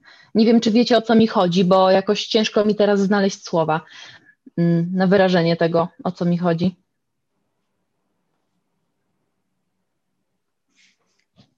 Halo, może. Chyba nie. Ja nie wiem, ja przyznaję, że nie. Znaczy ja chyba wiem o co chodzi, jakby, bo jakby chodzi o stereotyp feministki, który od, jakby od kilku, mam wrażenie, nawet dekad, zaryzykuję powiedzieć, istnieje, ale mhm. trochę rozumiemy jakby w rozumieniu feminizmu i w Polsce po prostu e, w mediach widzimy taki radykalny feminizm, to nie znaczy, że, że możemy mówić e, strukturalnie o jednym e, rodzaju feminizmu i też tutaj nie wiem, czy to pani mówiła, czy ktoś wcześniej o tym, że jakby feminizm wymusza na kobietach to, że nie mogą zostać w domu, że nie mogą wybrać rodziny. Nie. Tak Chodziło jest, mi o to, jakby... że ona się czuje w taki sposób, y, że ona w taki sposób widzi ten feminizm i dlatego właśnie nie chce y, w pewnym stopniu być częścią takiej społeczności, bo ona czuje na sobie tą presję, nawet jeżeli jej nie ma naprawdę. Ja to w taki sposób odebrałam po prostu. To ona nie jest konsekwentna dla mnie w tym jakby, bo w zależności z kim się styka, y, trochę przyjmuje to, jakby, bo kiedy poznaje Alex, to ona jest no, realnie zafascynowana jakby właśnie tym jej wyzwoleniem, a z drugiej strony y, też mówi stop w którymś momencie, bo kiedy, kiedy robią te zdjęcia w mieszkaniu, kiedy ta chce iść dalej, to ona jednak się w którymś momencie stopuje i boi. Także kwestia feminizmu y, i w ogóle szeroko pojętego siostrzeństwa, no jest tam pokazana, ja bym powiedziała, że bardzo fajnie pod tym kątem, że y, że my dużo mówimy o siostrzeństwie, tak? I że, to jest, y, że fajnie byłoby to siostrzeństwo jakby skrzesić, bo jego tak naprawdę do końca nie ma. Mm, bo często ona, jest tak, że... na przykład nie, nie czuje siostrzeństwa. No właśnie, nie? Że, że ktoś na niej chce to wymusić. tylko ze względu na płeć. No i teraz to jest pytanie, no, czy tak, czy nie, no no ja nie będę może swoich poglądów na to nakładać, bo pewnie każda z nas czytając to ma jakieś swoje poglądy właśnie, czy na temat feminizmu w ogóle w Polsce, w ogóle, czy tam właśnie, czy istnieje coś takiego jak siostrzeństwo, czy, czy chce być częścią jakiejś, no właśnie, społeczności zwanej siostrami, czy nie, ale ta bohaterka no jest taka niezdecydowana, z jednej strony właśnie nie chce, a kiedy, ale chce być tak blisko z Alex, dopiero potem się zaczyna z tego wycofać, bo trochę się wystraszyła, że, że jednak poszła za daleko, że, że poszła zbyt skrajnie, więc dla mnie ona nie jest konsekwentna. Jakby ma bo... takie elementy, ale wy, wy, wy, wybiórczo, nie? W którymś momencie... Jak może być feministką, jeśli nie ma praktycznie w ogóle żadnych bliskich sobie kobiet, wo wobec których byłaby lojalna, no. z którymi by się przyjaźniła, a drogą do kariery jest facet. No to tak naprawdę w jakim momencie ona może powiedzieć o sobie, że jest feministką? No tak ja ją widzę. Tak? No ale to jest właśnie ten stereotyp współczesny, bo to jakby jej wybory nie świadczą o tym, że ona nie jest feministką, bo właśnie bycie feministką polega na podejmowaniu wyborów samodzielnych. A jeżeli te wybory są niemoralne, czy polegają właśnie na dojście do kariery przez łóżko, no to jakby feminizmu nie wyklucza, szczerze mówiąc. Moim zdaniem przynajmniej, nie wiem. Ja się absolutnie nie zgadzam, że ona robi karierę prze, przez łóżko. Przecież to w ogóle nie ma jedno z drugim związku. Ona, ona yy, przeżywa jakąś namiętność, ale nie po to, żeby robić karierę. Zupełnie tego nie widzę. A jeszcze chciałam dodać, yy, że moim zdaniem, znaczy z tego co wiem o Szwecji, nawet jakiś film był w kinie, nie pamiętam teraz tytułu, ale był taki charakterystyczny film, że, yy, że, y, że bardzo Szwecja jest, że tak powiem, poprawna politycznie, że tam ta poprawność polityczna już jest taka wręcz y, karykaturalna. W Polsce jest kompletnie inaczej. Ja myślę, że my jesteśmy na drugim biegunie pod tym względem, dlatego też trudno nam, znaczy może nie trudno, tylko, tylko mnie się w ogóle wydaje, że ona protestuje przeciwko tej poprawności politycznej, która właśnie w Szwecji jest dosyć charakterystyczna. I tu mi się akurat podoba, bo y, no, ona nie idzie z prądem, prawda? To jest dla mnie coś takiego, że, że nie, nie, nie jest poddana tym takim nurtom, y, no takim, które są w tej chwili obecne no, tak trochę się plączę, ale o to mi chodziło mniej więcej. A ja bym chętnie jeszcze wróciła do tego tematu, co Anita pytała o tę kwestię jednego romansu, kwestię, mówiły o winie, że to jest niczyja wina. Ja się z tym akurat nie zgodzę, to jest wina dwóch osób. To zawsze jest wina dwóch osób, bo dwie osoby jakby wchodzą w coś takiego, decydują się na to. To ta trzecia osoba było, nie było, jednak zostaje e, bez, jakby nie ma udziału w podejmowaniu takich decyzji, które wpływają jakoś tam na jej E, na jej życie i tu by wracała idea siostrzeństwa, to by się świetnie sprawdzało. To się, gdyby ona miała, miała takie poczucie idei siostrzeństwa, to nie wydałaby się romans z, na tym mężczyzną w zasadzie, nie? Znaczy jedno drugiego nie wyklucza, to są takie trudne rzeczy, ale gdyby głęboko jakoś to wierzyła i, i miała to przepracowane, to myślę, że tu by miała jakiś opór. Hmm.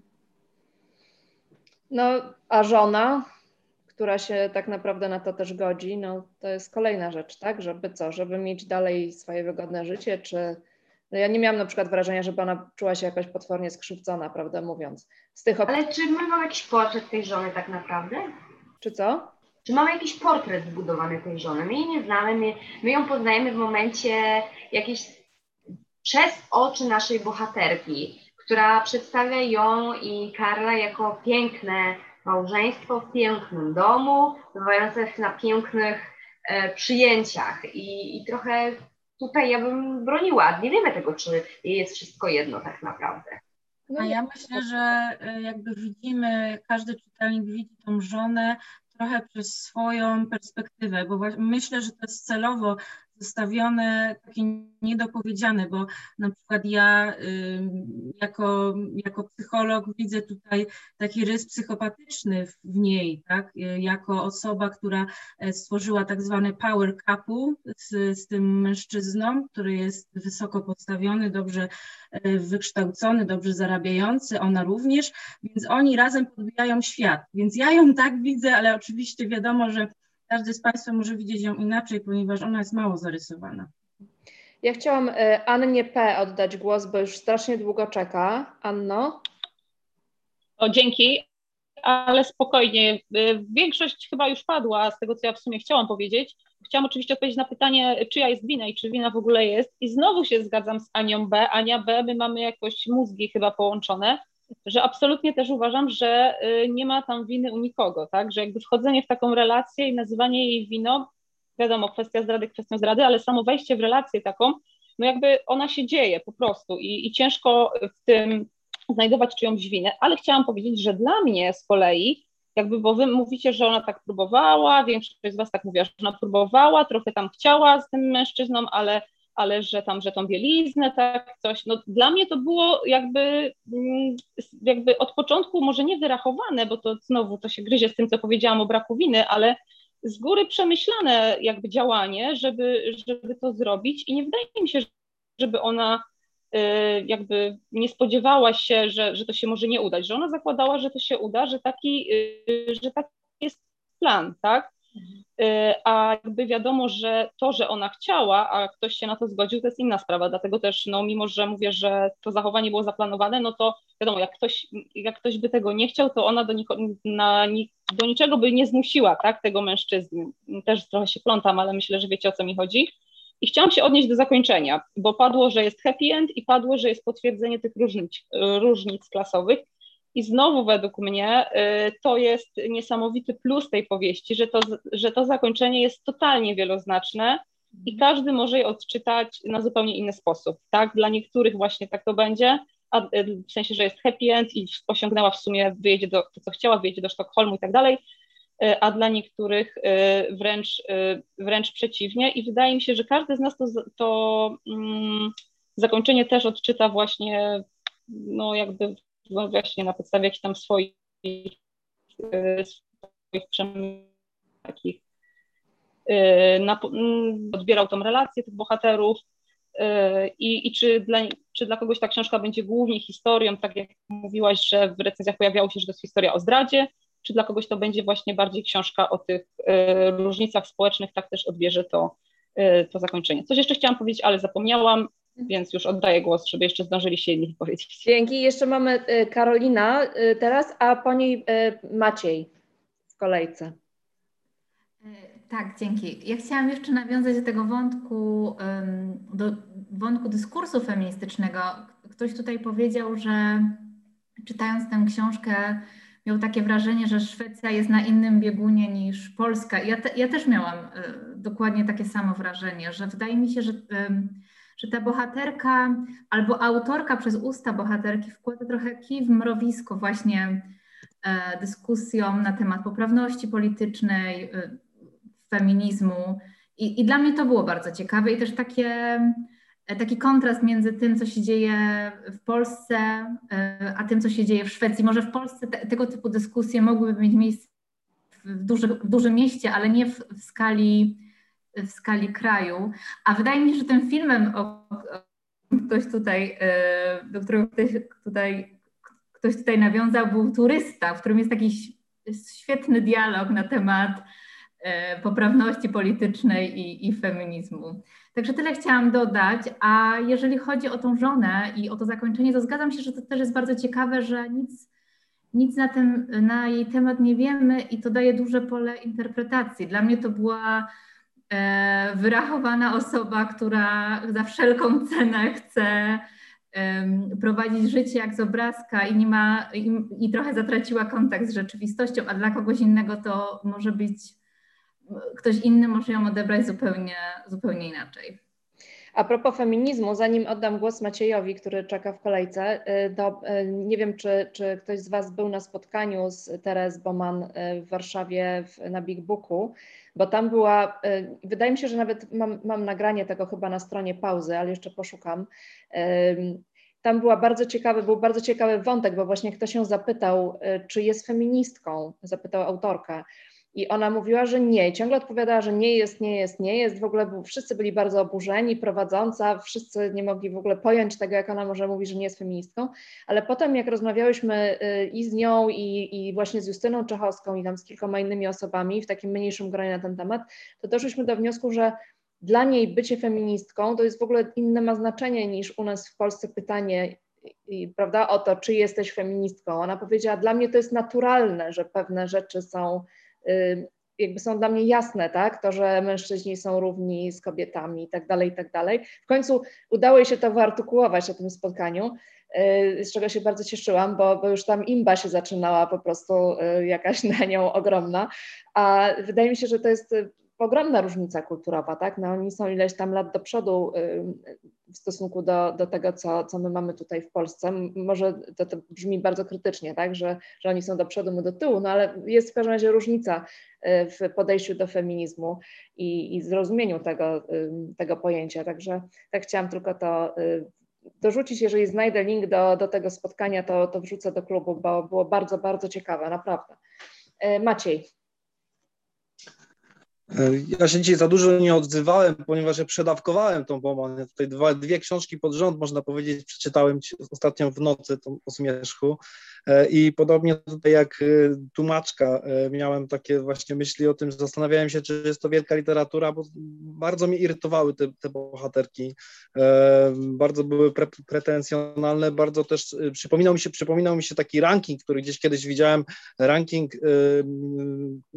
w którym zawierali się bohaterowie, których najchętniej zrzuciłbyś ze schodów, tak, tak cię denerwowali. Obie bohaterki właśnie e, takie emocje we, we, mnie budziły.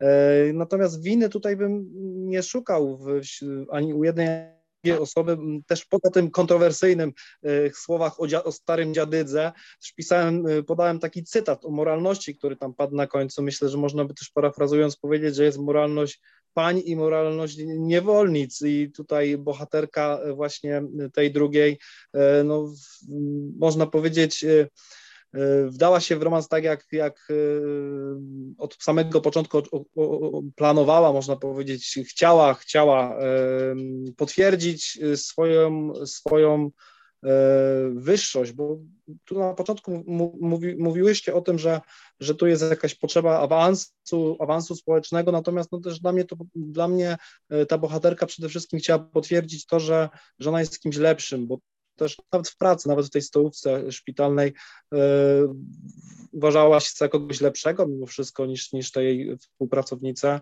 Ta bohaterka drugiej książki o Zmierzchu jest o tyle ciekawsza, że jest już e, starszą, jedną o kilkanaście lat osobą, która też już jakoś szuka swojego miejsca. E, tutaj jednak no są to, można powiedzieć, że nie, nie, udało mi się tam wcześniej zgłosić, ale powiem, że należy do tych osób, które, którym się dobrze czytało tę książkę, ale raczej nikomu jej nie polecam. Raczej tutaj y, inne książki z pauzy bym, bym, bym wskazał. Ciekawe jest. Bym mogła tylko wtrącić a propos tego, co powiedział Maciej? Tak, ja tylko chciałam jedno, jedno zdanie już, y, już Paula, że ciekawe jest to, że kolejny raz pada taki argument, czy, czy książka jest dobra literacko, no bo strasznie nie podoba nam się bohaterka, prawda, nie lubimy jej. I czy to jest w ogóle jakaś klasyfikacja? Ciekawe bardzo, bo któryś, któraś już osoba porusza ten temat, tak? tak? Chciałam tylko tak dodać, bo zawsze bardzo, mhm. bardzo mi to się rzuciło w oczy. Paula, słuchamy. Ja tylko krótko chciałam powiedzieć, że ja w ogóle strasznie nie rozumiem tego stwierdzenia, że ona się wywyższa, bo to jest tak, jakbyśmy stwierdzali, że jakby jak ktoś się czuje niedopasowany, czuje się inny i nie umie rozmawiać z ludźmi konkretnymi, to znaczy, że on się wywyższa. E, ja tak zwracam na to uwagę, dlatego że ja na przykład miałam z tym problem przez całą szkołę, że ja po prostu nie umiałam rozmawiać z ludźmi, zresztą dalej mam problemy.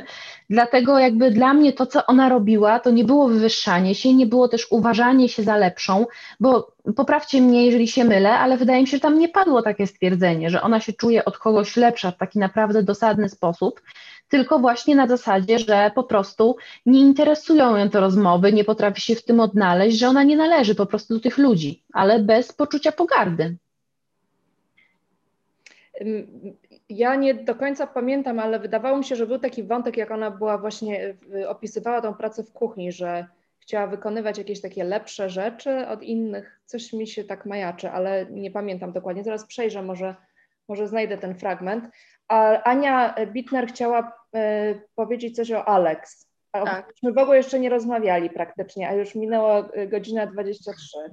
Najpierw chciałam tylko powiedzieć o tym wywyższaniu się. E, ona ma tam takie myśli, że te inne osoby, które pracują w tej kuchni, tam są na zawsze, a ona jest tymczasowo.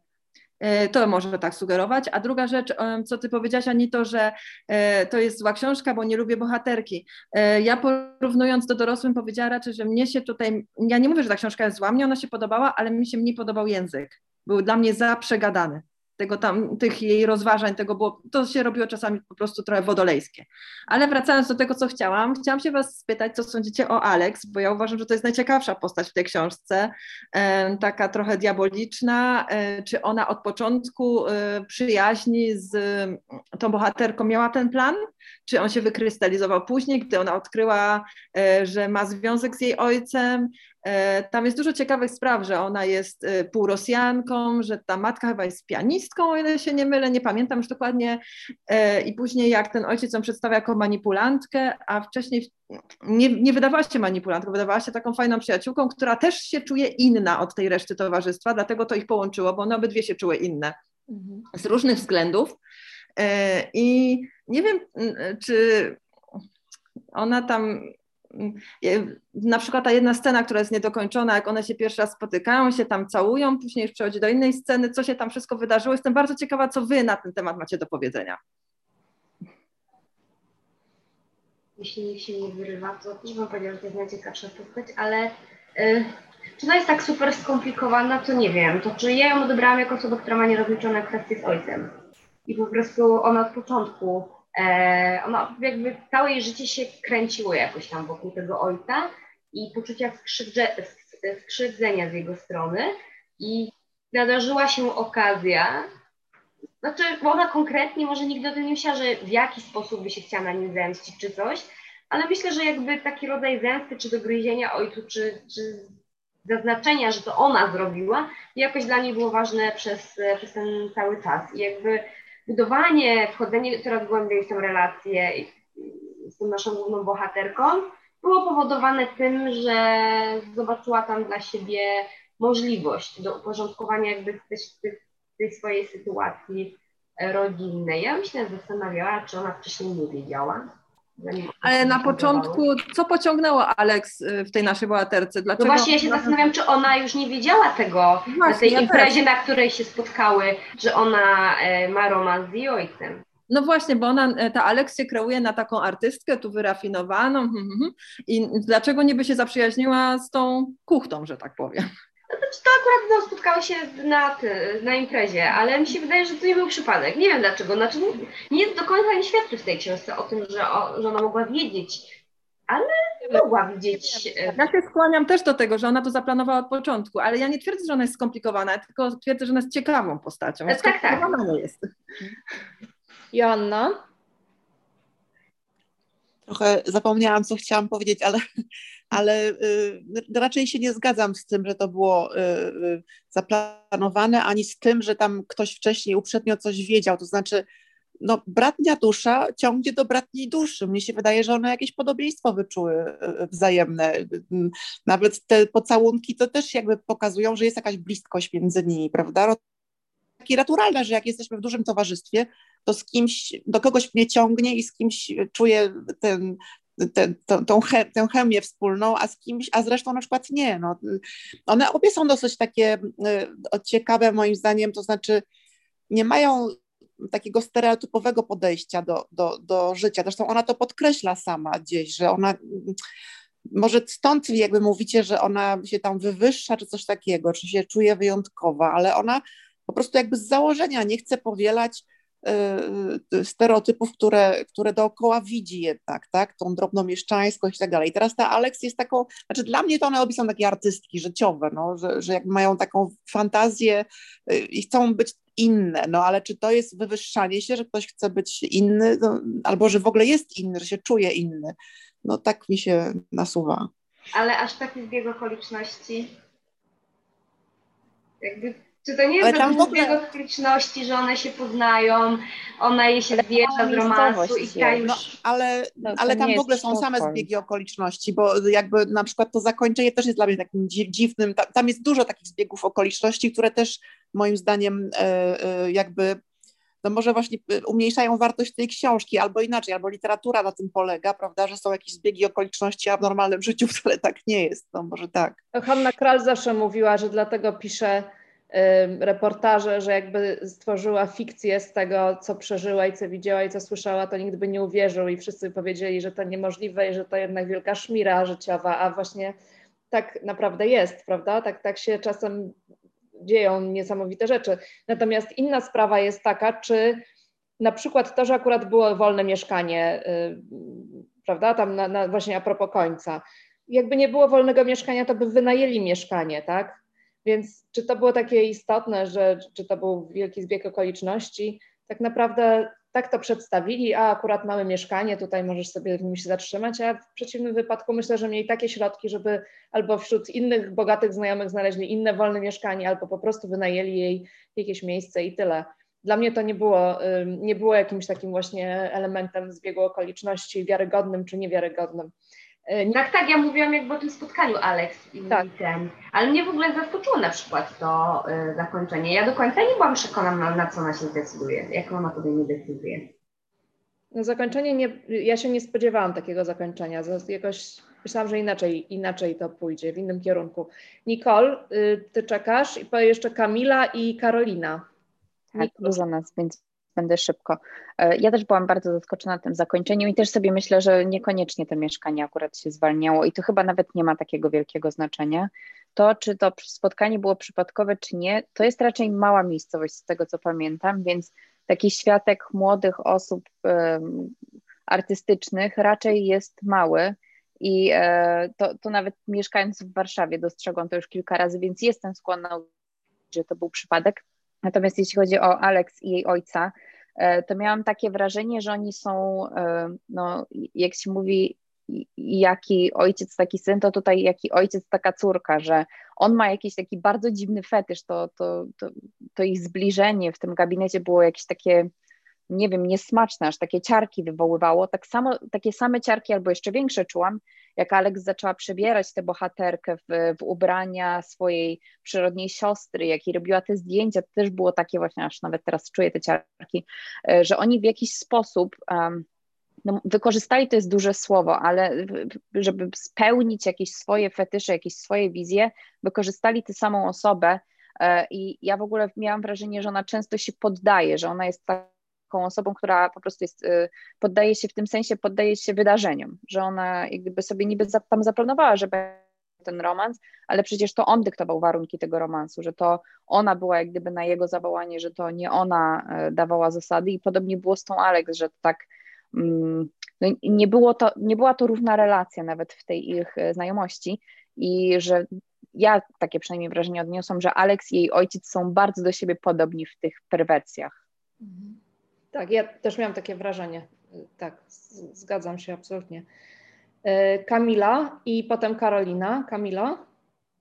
E, no więc ja o tych podobieństwach też chciałam e, dopowiedzieć do tego, co, tu Nicole powiedziała, że ja widzę też podobieństwo między, między główną bohaterką a Alex w tym sensie, że obie się buntują i ja ten bunt właśnie u tej głównej bohaterki mocno zauważam, że ona jest taka, że no tak jak sama przyznaje, mało jej się podoba e, i, i mało, e, no i właśnie, i ona też całe życie e, w, bo tak się mówi w, w rozmowie, jakby tak metaforycznej rozmowie ze swoim ojcem, Alex, że cały czas, że tu widać, że ona żyje trochę, żeby właśnie jej jakoś, że ta matka, jej, ona też, ona tak wskazuje, że że one upatrują jakby swoi, nie wiem, nie wiem, jakoś tak to było, że e, jak, jak się potoczyło ich życie, upatrują właśnie mm, winy w tym e, Karlu. E, czyli, czyli tak jakby nie biorą odpowiedzialności, ona również tak nie bierze odpowiedzialności, trochę te studia rzuciła, trochę tak nie spełniła tych oczekiwań, ale chciałam też jeszcze dokończyć może moją wypowiedź, mówiąc o tym zakończeniu całej książki, i dla mnie to było podkreślenie tej klasowości, tego, że ona chciała się od tego wyrwać, a tak naprawdę wpadła e, w te sidła i jakby to jest trochę takie negatywne dla mnie zakończenie, że ona z jednej strony całą tę książkę chciała się wyrwać, chciała wręcz metaforycznie pluła w twarz tym bogaczom, że ona tu z klasy robotniczej też y, y, jakieś odnoszenie się do tych szwedzkich pisarzy, którzy byli z klasy robotniczej, którzy właśnie im się udało zostać tymi pisarzami, tymi pisarzami. Ona chciała wyjść, a wyjdzie tak naprawdę z tej klasy dzięki właśnie y, temu, że oni jakoś tak podeszli do tego, że oni nie chcieli zrujnować swojego życia jak z obrazka trochę jej się to uda, udało i ona jakby, ja jej nie oceniam, bo ja jestem daleka od oceny, żeby ją oceniać, czy dobrze zrobiła, czy źle zrobiła, ale jednak ona sama miała takie, z jednej strony jakby jej spłynięto w twarz, ale z drugiej strony właśnie możemy to rozpatrywać, czy ona ich wykorzystała, czy e, ona siebie oszukała, że tak to, że tak to ujmę, więc, e, więc tak, takie są moje przemyślenia. Okej, okay, dzięki. Może wszyscy wszystkich wykorzystali, bo ja też takie miałam w pewnym momencie wrażenie, że ona coś z tego miała, Karl coś z tego miał, nie wiem, na ile żona, Alex rozegrała swoją gierkę i trochę takie, wydawało mi się to też y, no taką rozgrywką wszystkich przeciwko wszystkim. Y, Karolina? Ja też miałam podobną myśl w pewnej chwili, że nie wiadomo, tak jak w życiu, kto jest wygranym, a kto przegranym. Ale chciałam się też odnieść do takich głosów na temat e, dobrej i złej literatury, porównania do dorosłych. Czy zaznaczę może na początku, że mi się ta książka, mi się ta książka podobała, może nie aż tak jak dorośli, ale, ale podobała mi się. I wydaje, ale co, co mo, może być postrzegane jako e, e, słabość tej książki, to jest jej taka trochę filmowość i taka, padło też słowo, że troszeczkę jakby szmira. I wydaje mi się, że, że siłą dorosłych było to, że autorka pokazywała nam sytuacje, które mogły być z życia wzięte. Ja, ja widziałam to, ten domek, te dyskusje między siostrami, partnera mamy. Jakoś dla mnie to, to było zupełnie realne, ja się w tym odnajdywałam. A tutaj Wydaje mi się, że e, bohaterowie są dużo bardziej filmowi. E, Alex, Karl, ta żona. E, no te wnętrza i to, że. Wnętrze, tak. Ja jakby znaczy, spotkałam się z takimi ludźmi, ale to nie jest dla mnie każdy, każda albo co druga rodzina. A to, co się działo w dorosłych, to wydaje mi się, że znamy, z, to jest taki chleb powszedni trochę. I wydaje mi się, że tutaj to, to, to może mm, to plus taka lekka pretensjonalność e, tej bohaterki może, e, może powodować to, że co, co niektórzy zastanawiają się, czy, e, co tak naprawdę przeczytaliśmy, a nie, a nie tylko to, że bohaterka nas irytowała. Ale tak jak mówię, ja, ja pozytywnie odbieram tą, tą literaturę. Jest, jest to dla mnie ciekawe, ciekawe, ciekawa książka, ciekawa literatura i uważam, że jest dobra. Marta napisała, y, bardzo dziękuję Karolina, Marta napisała bardzo, bardzo fajną rzecz. Nie mam pojęcia, jakie są kryteria dobrej literatury, ale po raz drugi o niewielkiej książce rozmawiamy ponad półtorej godziny, u każdego wzbudziła wiele różnych emocji, to jest wspaniałe. Y, I powiem Wam, że właśnie y, to jest to, co według mnie łączy książki pauzy, bo wszystkie te książki, które postanawiam wydać, właśnie wzbudzają we mnie różne emocje, przemyślenia i jakoś ze mną zostają na dłużej. Jedne bardziej, drugie mniej. Oczywiście nie jest tak, że wszystkie podobają mi się tak samo mocno. Czasem po fakcie, jakby jak już je przeczytam i później na przykład wydam po polsku, już minie rok albo półtora, czasem nawet widzę w nich pewne rzeczy, których nie widziałam wcześniej. E, także wydaje mi się, że to jest taki e, pauzowy element i to jest strasznie fajne, no bo chyba na tym polega literatura, że właśnie można sobie o niej pogadać, porozmawiać, posprzeczać się i pointerpretować. Przynajmniej dla mnie o to chodzi w czytaniu. E, Kamila, e, podnosi. Ja, ja chciałam jeszcze jedną podjąć kwestię i e, proszę wszystkich o wypowiedzenie się, bo ja nie wiem, co mam o tym sądzić. Jak ona w kilku miejscach jakby pytała się czytelnika, czy samą siebie, czy ona ma w genach złą pracę, czy ona tą jakby jakby taką, no nie wiem, dla mnie to było wręcz odstręczające, że tak powiem, znaczy nie wiem, bo być może każdy z nas ma gdzieś kiedyś, kiedyś miał takie myśli, ale nigdy w życiu się do nich nie przyznawał. Są geny, które odpowiadają za sukces w życiu i to, czy będzie się miało dobrą pracę.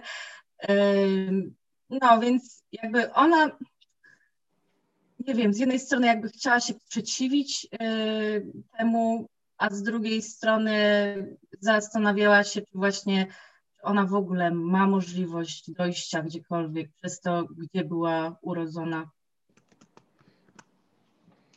No to jest ta odwieczna dyskusja, czy geny, czy, czy wykształcenie i wychowanie, tak? I do którego no, nie dalej jak wczoraj z koleżanką y, rozmawiałam na ten temat a propos jej jakichś tam osobistych spraw, do którego momentu w życiu możemy mówić, że mieliśmy strasznie ciężkie dzieciństwo i w związku z tym nie skończyliśmy studiów i nie poszliśmy do dobrej pracy i właściwie to nic już nie robimy ciekawego i nic nam nie wychodzi. No to jest dyskusja, której chyba nie da się y, zakończyć w żaden no, sposób. No, no właśnie odpowiedź y, jest to zależy. Nauka mówi, że to jest raczej pół na pół, ale właśnie to zależy, bo jeżeli ktoś faktycznie miał e, przeżycia straszne, to, to wiadomo, że to rzutuje na całe życie. Ale u niej, no właśnie, bo u niej jakby nie ma tych strasznych przeżyć. Właśnie, ona, tak. ona ma możliwość właśnie i to ta, trochę taka wymówka mam wrażenie u niej, też, ja też miałam takie wrażenie, że jest osobą, która ok, pochodziła z jakiegoś powiedzmy biedniejszego, bardziej prostego, mniej wykształconego środowiska, ale to był taki temat, który ciągle wraca jak bumerang, tak? Jestem biedna, bo, bo jestem biedna i oni są bogatsi, bo są bogatsi, bo są wykształceni, bo są piękni, bo mają te wszystkie rzeczy, a ja ich nie mam i nie widziałam tam takiej, takiej chęci, nie wiem, planu jakiegoś na przykład, jak z tego wyjść, jak można zarobić na te kieliszki, które chce się kupić, jak można sobie stworzyć takie życie albo na miastkę takiego życia, prawda? Y, no, wydaje mi się, że miała ku temu zadatki. Y, ale nie na... wydaje wam. Ona, Przepraszam. Sama, ona chyba sama nawet mówiła coś takiego, że pracuje w tej stołówce, bo jej się nie chce szukać lepszej pracy. Jest tam taki wątek w pewnym momencie. Nie wydaje Wam się, że akurat właśnie to, że ona tak y, wiecznie się porównuje, tam narzeka i tak dalej, czy to nie jest po prostu kwestia jakiejś takiej skrywanej mocno, y, nie wiem, nawet niewypowiedzianej po prostu depresji, która tutaj jest opisywana? Bo to są takie trochę typowe objawy człowieka w depresji. Ja bym powiedziała raczej samotności. Zwróćcie uwagę, że tam nigdy nie ma słowa, albo ja nie zwróciłam uwagi o matce, ojcu, rodzinie, ona mieszka sama. Że wspomina wakacje i z jednej strony, jak tam y, jest ten fragment, kiedy pisze, jakie są wakacje Karla i jego rodziny, że Tak, tak, tam, ale aktualnie. Tak, no nie, ale, ale te, wspomnienia, też sama. Te, te wspomnienia z dzieciństwa wydają się być dobre, ale tak, tak. jest samotna, tak jak mówisz. Tak. Ma tą Emily, ale... jedyną koleżankę aż od szkoły, Mhm. E, ale potem z nią zrywa. E, Alex, no to nie jest taka jakaś głęboka przyjaźń, ona jest sama, chodzi tej pracy sama, wraca sama. Gdyby nie ja, Karla siedziałaby sama, bo chodzi po tym mieście sama. Mnie to dziwi, że ona w ogóle nie ma kontaktu z matką, nie wiemy, czy ma rodzeństwo, nic, wspomniany ojciec, nic. To prawda. No właśnie, że ona też e, swoją rodzinę i swoje życie wkłada w szufladkę. Ciebie wkłada w szufladkę. Ja pochodzę z klasy robotniczej, o tych rodzicach, jakby z jednej strony ona wymaga indywidualizmu, a z drugiej strony sama siebie wkłada gdzieś tam e, w tą właśnie szufladkę. A ja chciałam jeszcze poruszyć kwestię, która się powtarza tutaj e, w dwóch związkach, które nawiązuje ta, ta bohaterka jakby na, na, na kartach tej książki, to jest idealizacja.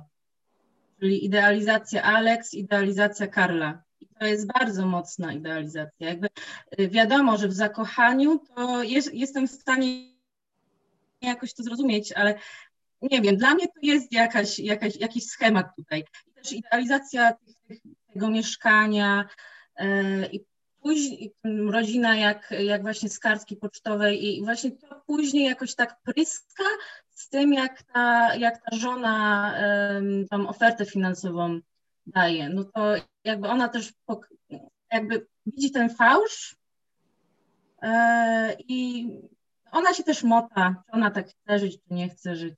To też jest taka kwestia.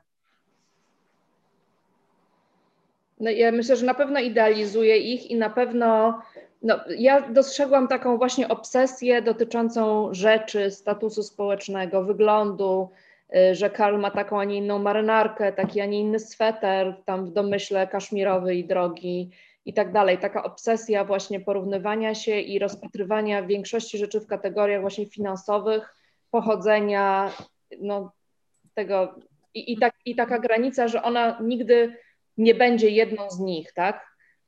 Ona ma 28 lat, może pójść na studia, może zdobyć jaką pracę chce, jak się postara, tak? I jakby ma ku temu wszelkie zadatki, ale z góry już wie, że nie będzie, nie będzie jedną z nich. Dlatego zaczęłam to spotkanie od rozmowy właśnie o, o te podziały społeczne, bo może ona ma rację, że nigdy nie będzie mogła być jedną z nich. No, nie wiem. Jeśli mogę, to, to, to w ogóle nie rozumiem, y, y, to znaczy nie wiem, ja nie, nie zapamiętałam z tej książki, że ona jakby utyskuje, że, że jakby, że jej się nie powiodło i nie powiedzie, tylko to jest taka dla mnie jej obserwacja, no tak po prostu jest.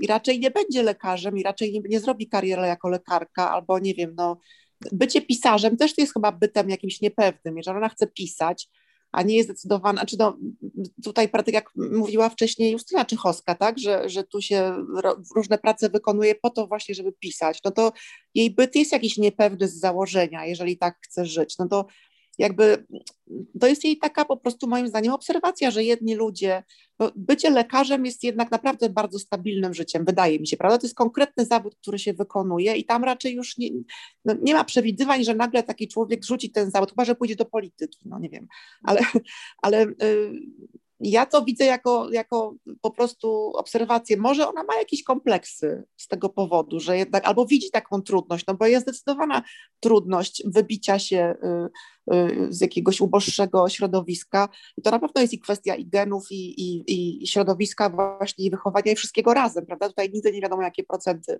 y, czego, ale no tak, no to, to tak myślę. No ja bym akurat, jeśli mogę tylko jedno zdanie tutaj do tego, to akurat dla niej bycie pisarką i, i pisanie jest tym wszystkim społecznym, to nie jest praca niepewna, to jest praca prestiżowa. Jakby znaczy, pisanie i ta literatura wiąże się z tym, że ona jest przekonana, że przeskoczy właśnie społecznie. Mhm. Też miałam takie wrażenie, też miałam takie wrażenie. E, Kasia i Jarek chyba machają. Podnieśli rękę. Ja chciałem tylko jeszcze y, dorzucić od siebie te trzy grosze.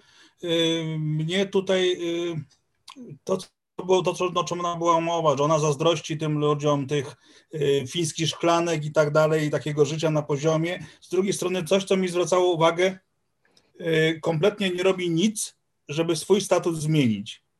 Żeby swój status zmienić w jakikolwiek sposób. Oprócz romansu. Y, no oprócz romansu, tak, ale to jest przypad, dla mnie to jest przypadkowe rozwiązanie, nie? Z drugiej strony coś, co, czego mi brakło, brakło, znaczy brakło, może nie brakło, ale Y, na co zwróciłem uwagę, to właśnie jej relacja z rodzicami, a w szczególności z ojcem, bo y, coś, co mi się zwracało, coś, co zwracało moją uwagę y, przy jej spotkaniach z Karlem, dla niej główne było hasło, że czuła się bezpiecznie. I teraz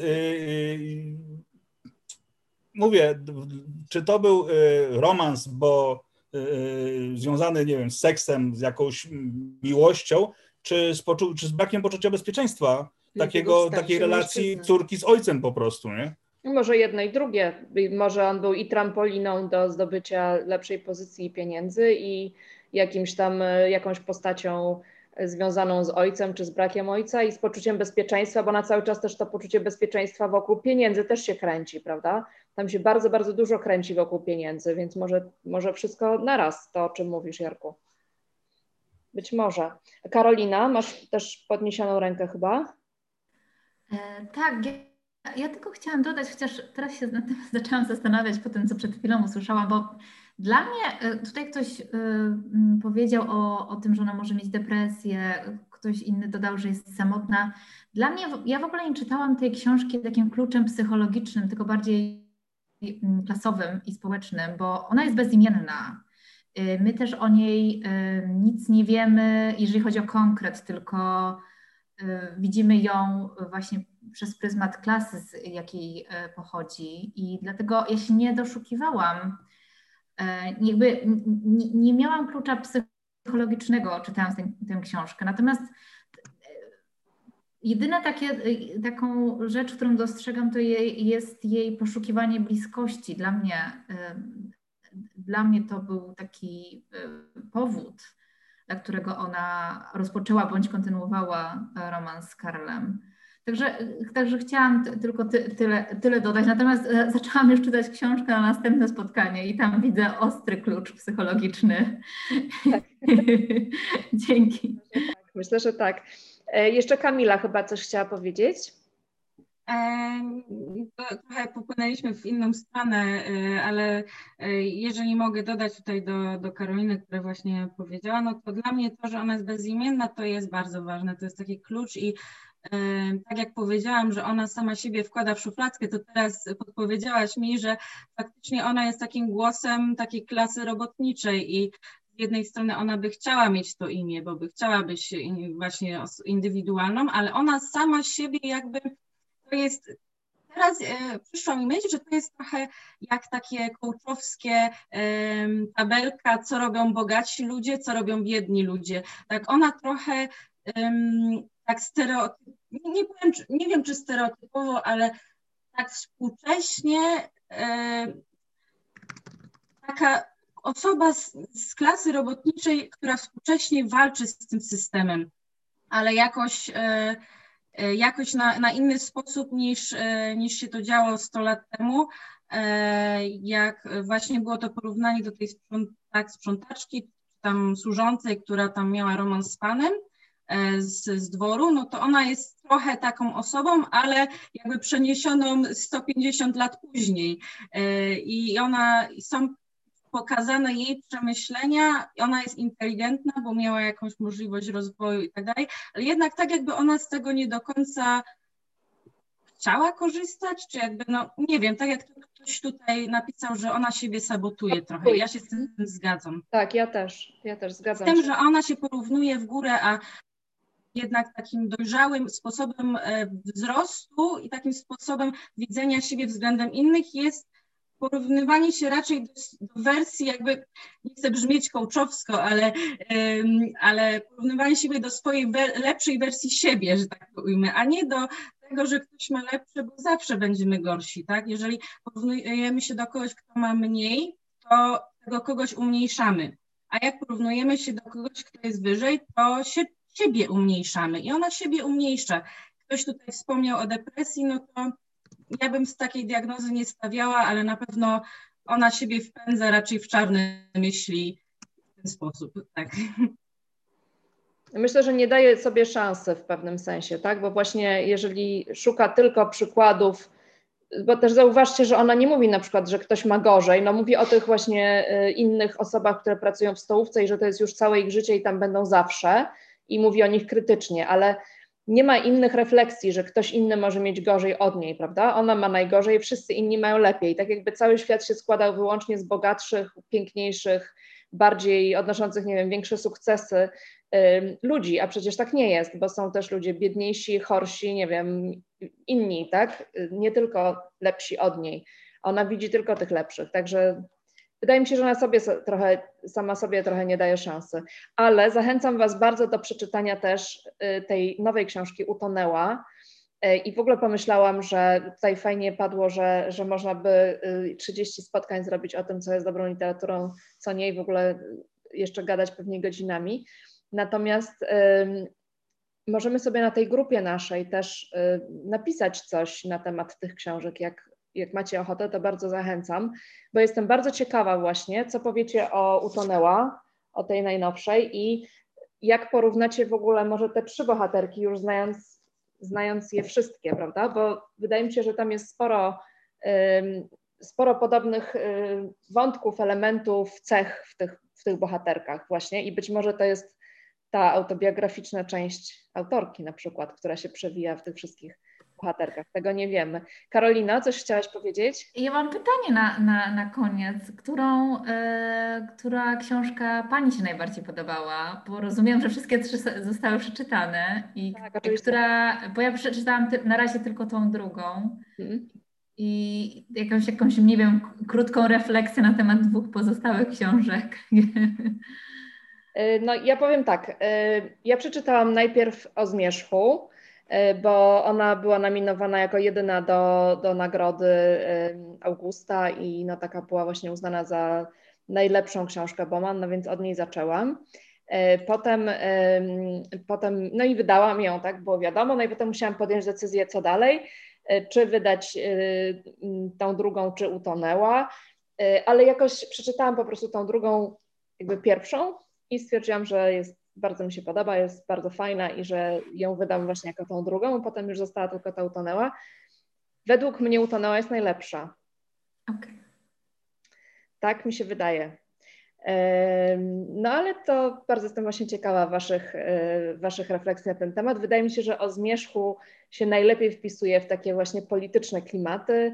E, starsza kobieta, która jest wyzwolona, idzie swoją drogą. Starsza tutaj znowu pamiętajmy, że ma 45 lat, tak? No ale powiedzmy e, w tym naszym świecie jest starsza, dojrzała powiedzmy, tak? I, i ona się fajnie tam wpisała w te wszystkie nurty i, i spodobała najbardziej. E, a wydaje mi się, że Utonęła ma taki, mm, tam jest trochę thrillera w tej książce.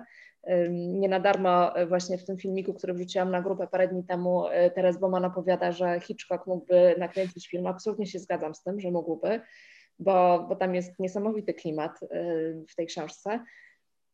I wydaje mi się, że no, u mnie ranking to jest numer jeden Utonęła, numer dwa ta druga, numer trzy o zmierzchu. To jest mój prywatny ranking. Teraz, teraz piszę coś dopiero i zresztą Marie Ober, nasza bohaterka z poprzedniego klubu, też tylko napisała dwie rzeczy, które już też obie wydałam, także czekamy na kolejną, ale nie wiem, chyba jeszcze nawet nie zaczęła pisać, więc nie wiem zupełnie kiedy się doczekamy kolejnej Ober. Ale też możemy sobie o tych opowiadaniach Marii Ober y, w grupie powymieniać opinie, jeśli byście chcieli. Ja tam zaglądam codziennie, także bardzo zachęcam do, do interakcji i pisania, co tam Wam w duszy gra. A propos właśnie tych opowiadań, wydaje mi się, że są fantastyczne i każde z nich można by wziąć na tapetę i długo o nim rozmawiać. Widzę, że Nicole się zgadza.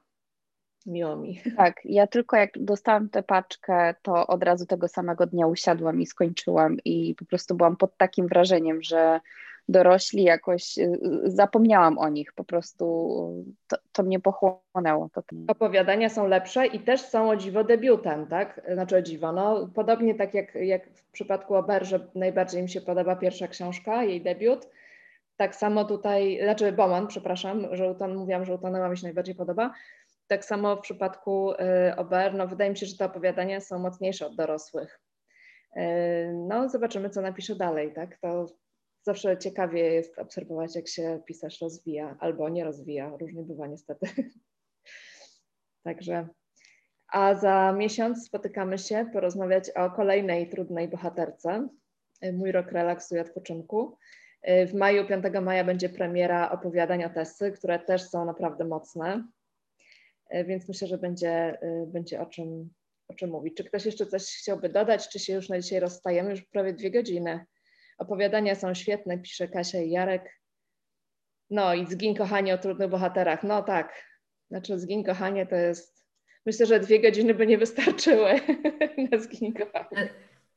Zgin kochanie to jest pierwsza książka pauzy, którą przeczytałam i zakochałam się od pierwszego wejrzenia w tej książce. Jest pięknie wydana i super. Ale ona też budzi bardzo skrajne emocje, wręcz y, kobiety, to nie chcę, to zabrzmi jak straszny stereotyp, ale powiem, bo często do mnie docierają takie głosy, że właśnie kobiety, które nie mają dzieci, mówią, że w ogóle nie wiedzą o co chodzi, nie rozumieją tej książki, nie mają dzieci, nie interesuje ich to, w ogóle jaka depresja, jaki poród, jakie dziecko.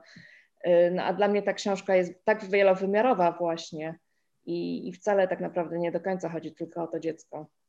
Także no to miło mi. No z kochanie na pewno, a Tirza, nie wiem czy ktoś czytał Tirza Arnona Grunberga, będę pewnie coś nowego wydawała, niedługo ogłoszę, mam nadzieję Grunberga, bo to też jest książka, której można no tygodniami myślę rozmawiać. Mnie grubość przeraziła i niestety ciągle nie mogę do niej usiąść, bo mam tyle książek, że właśnie czytam cieńsze po prostu.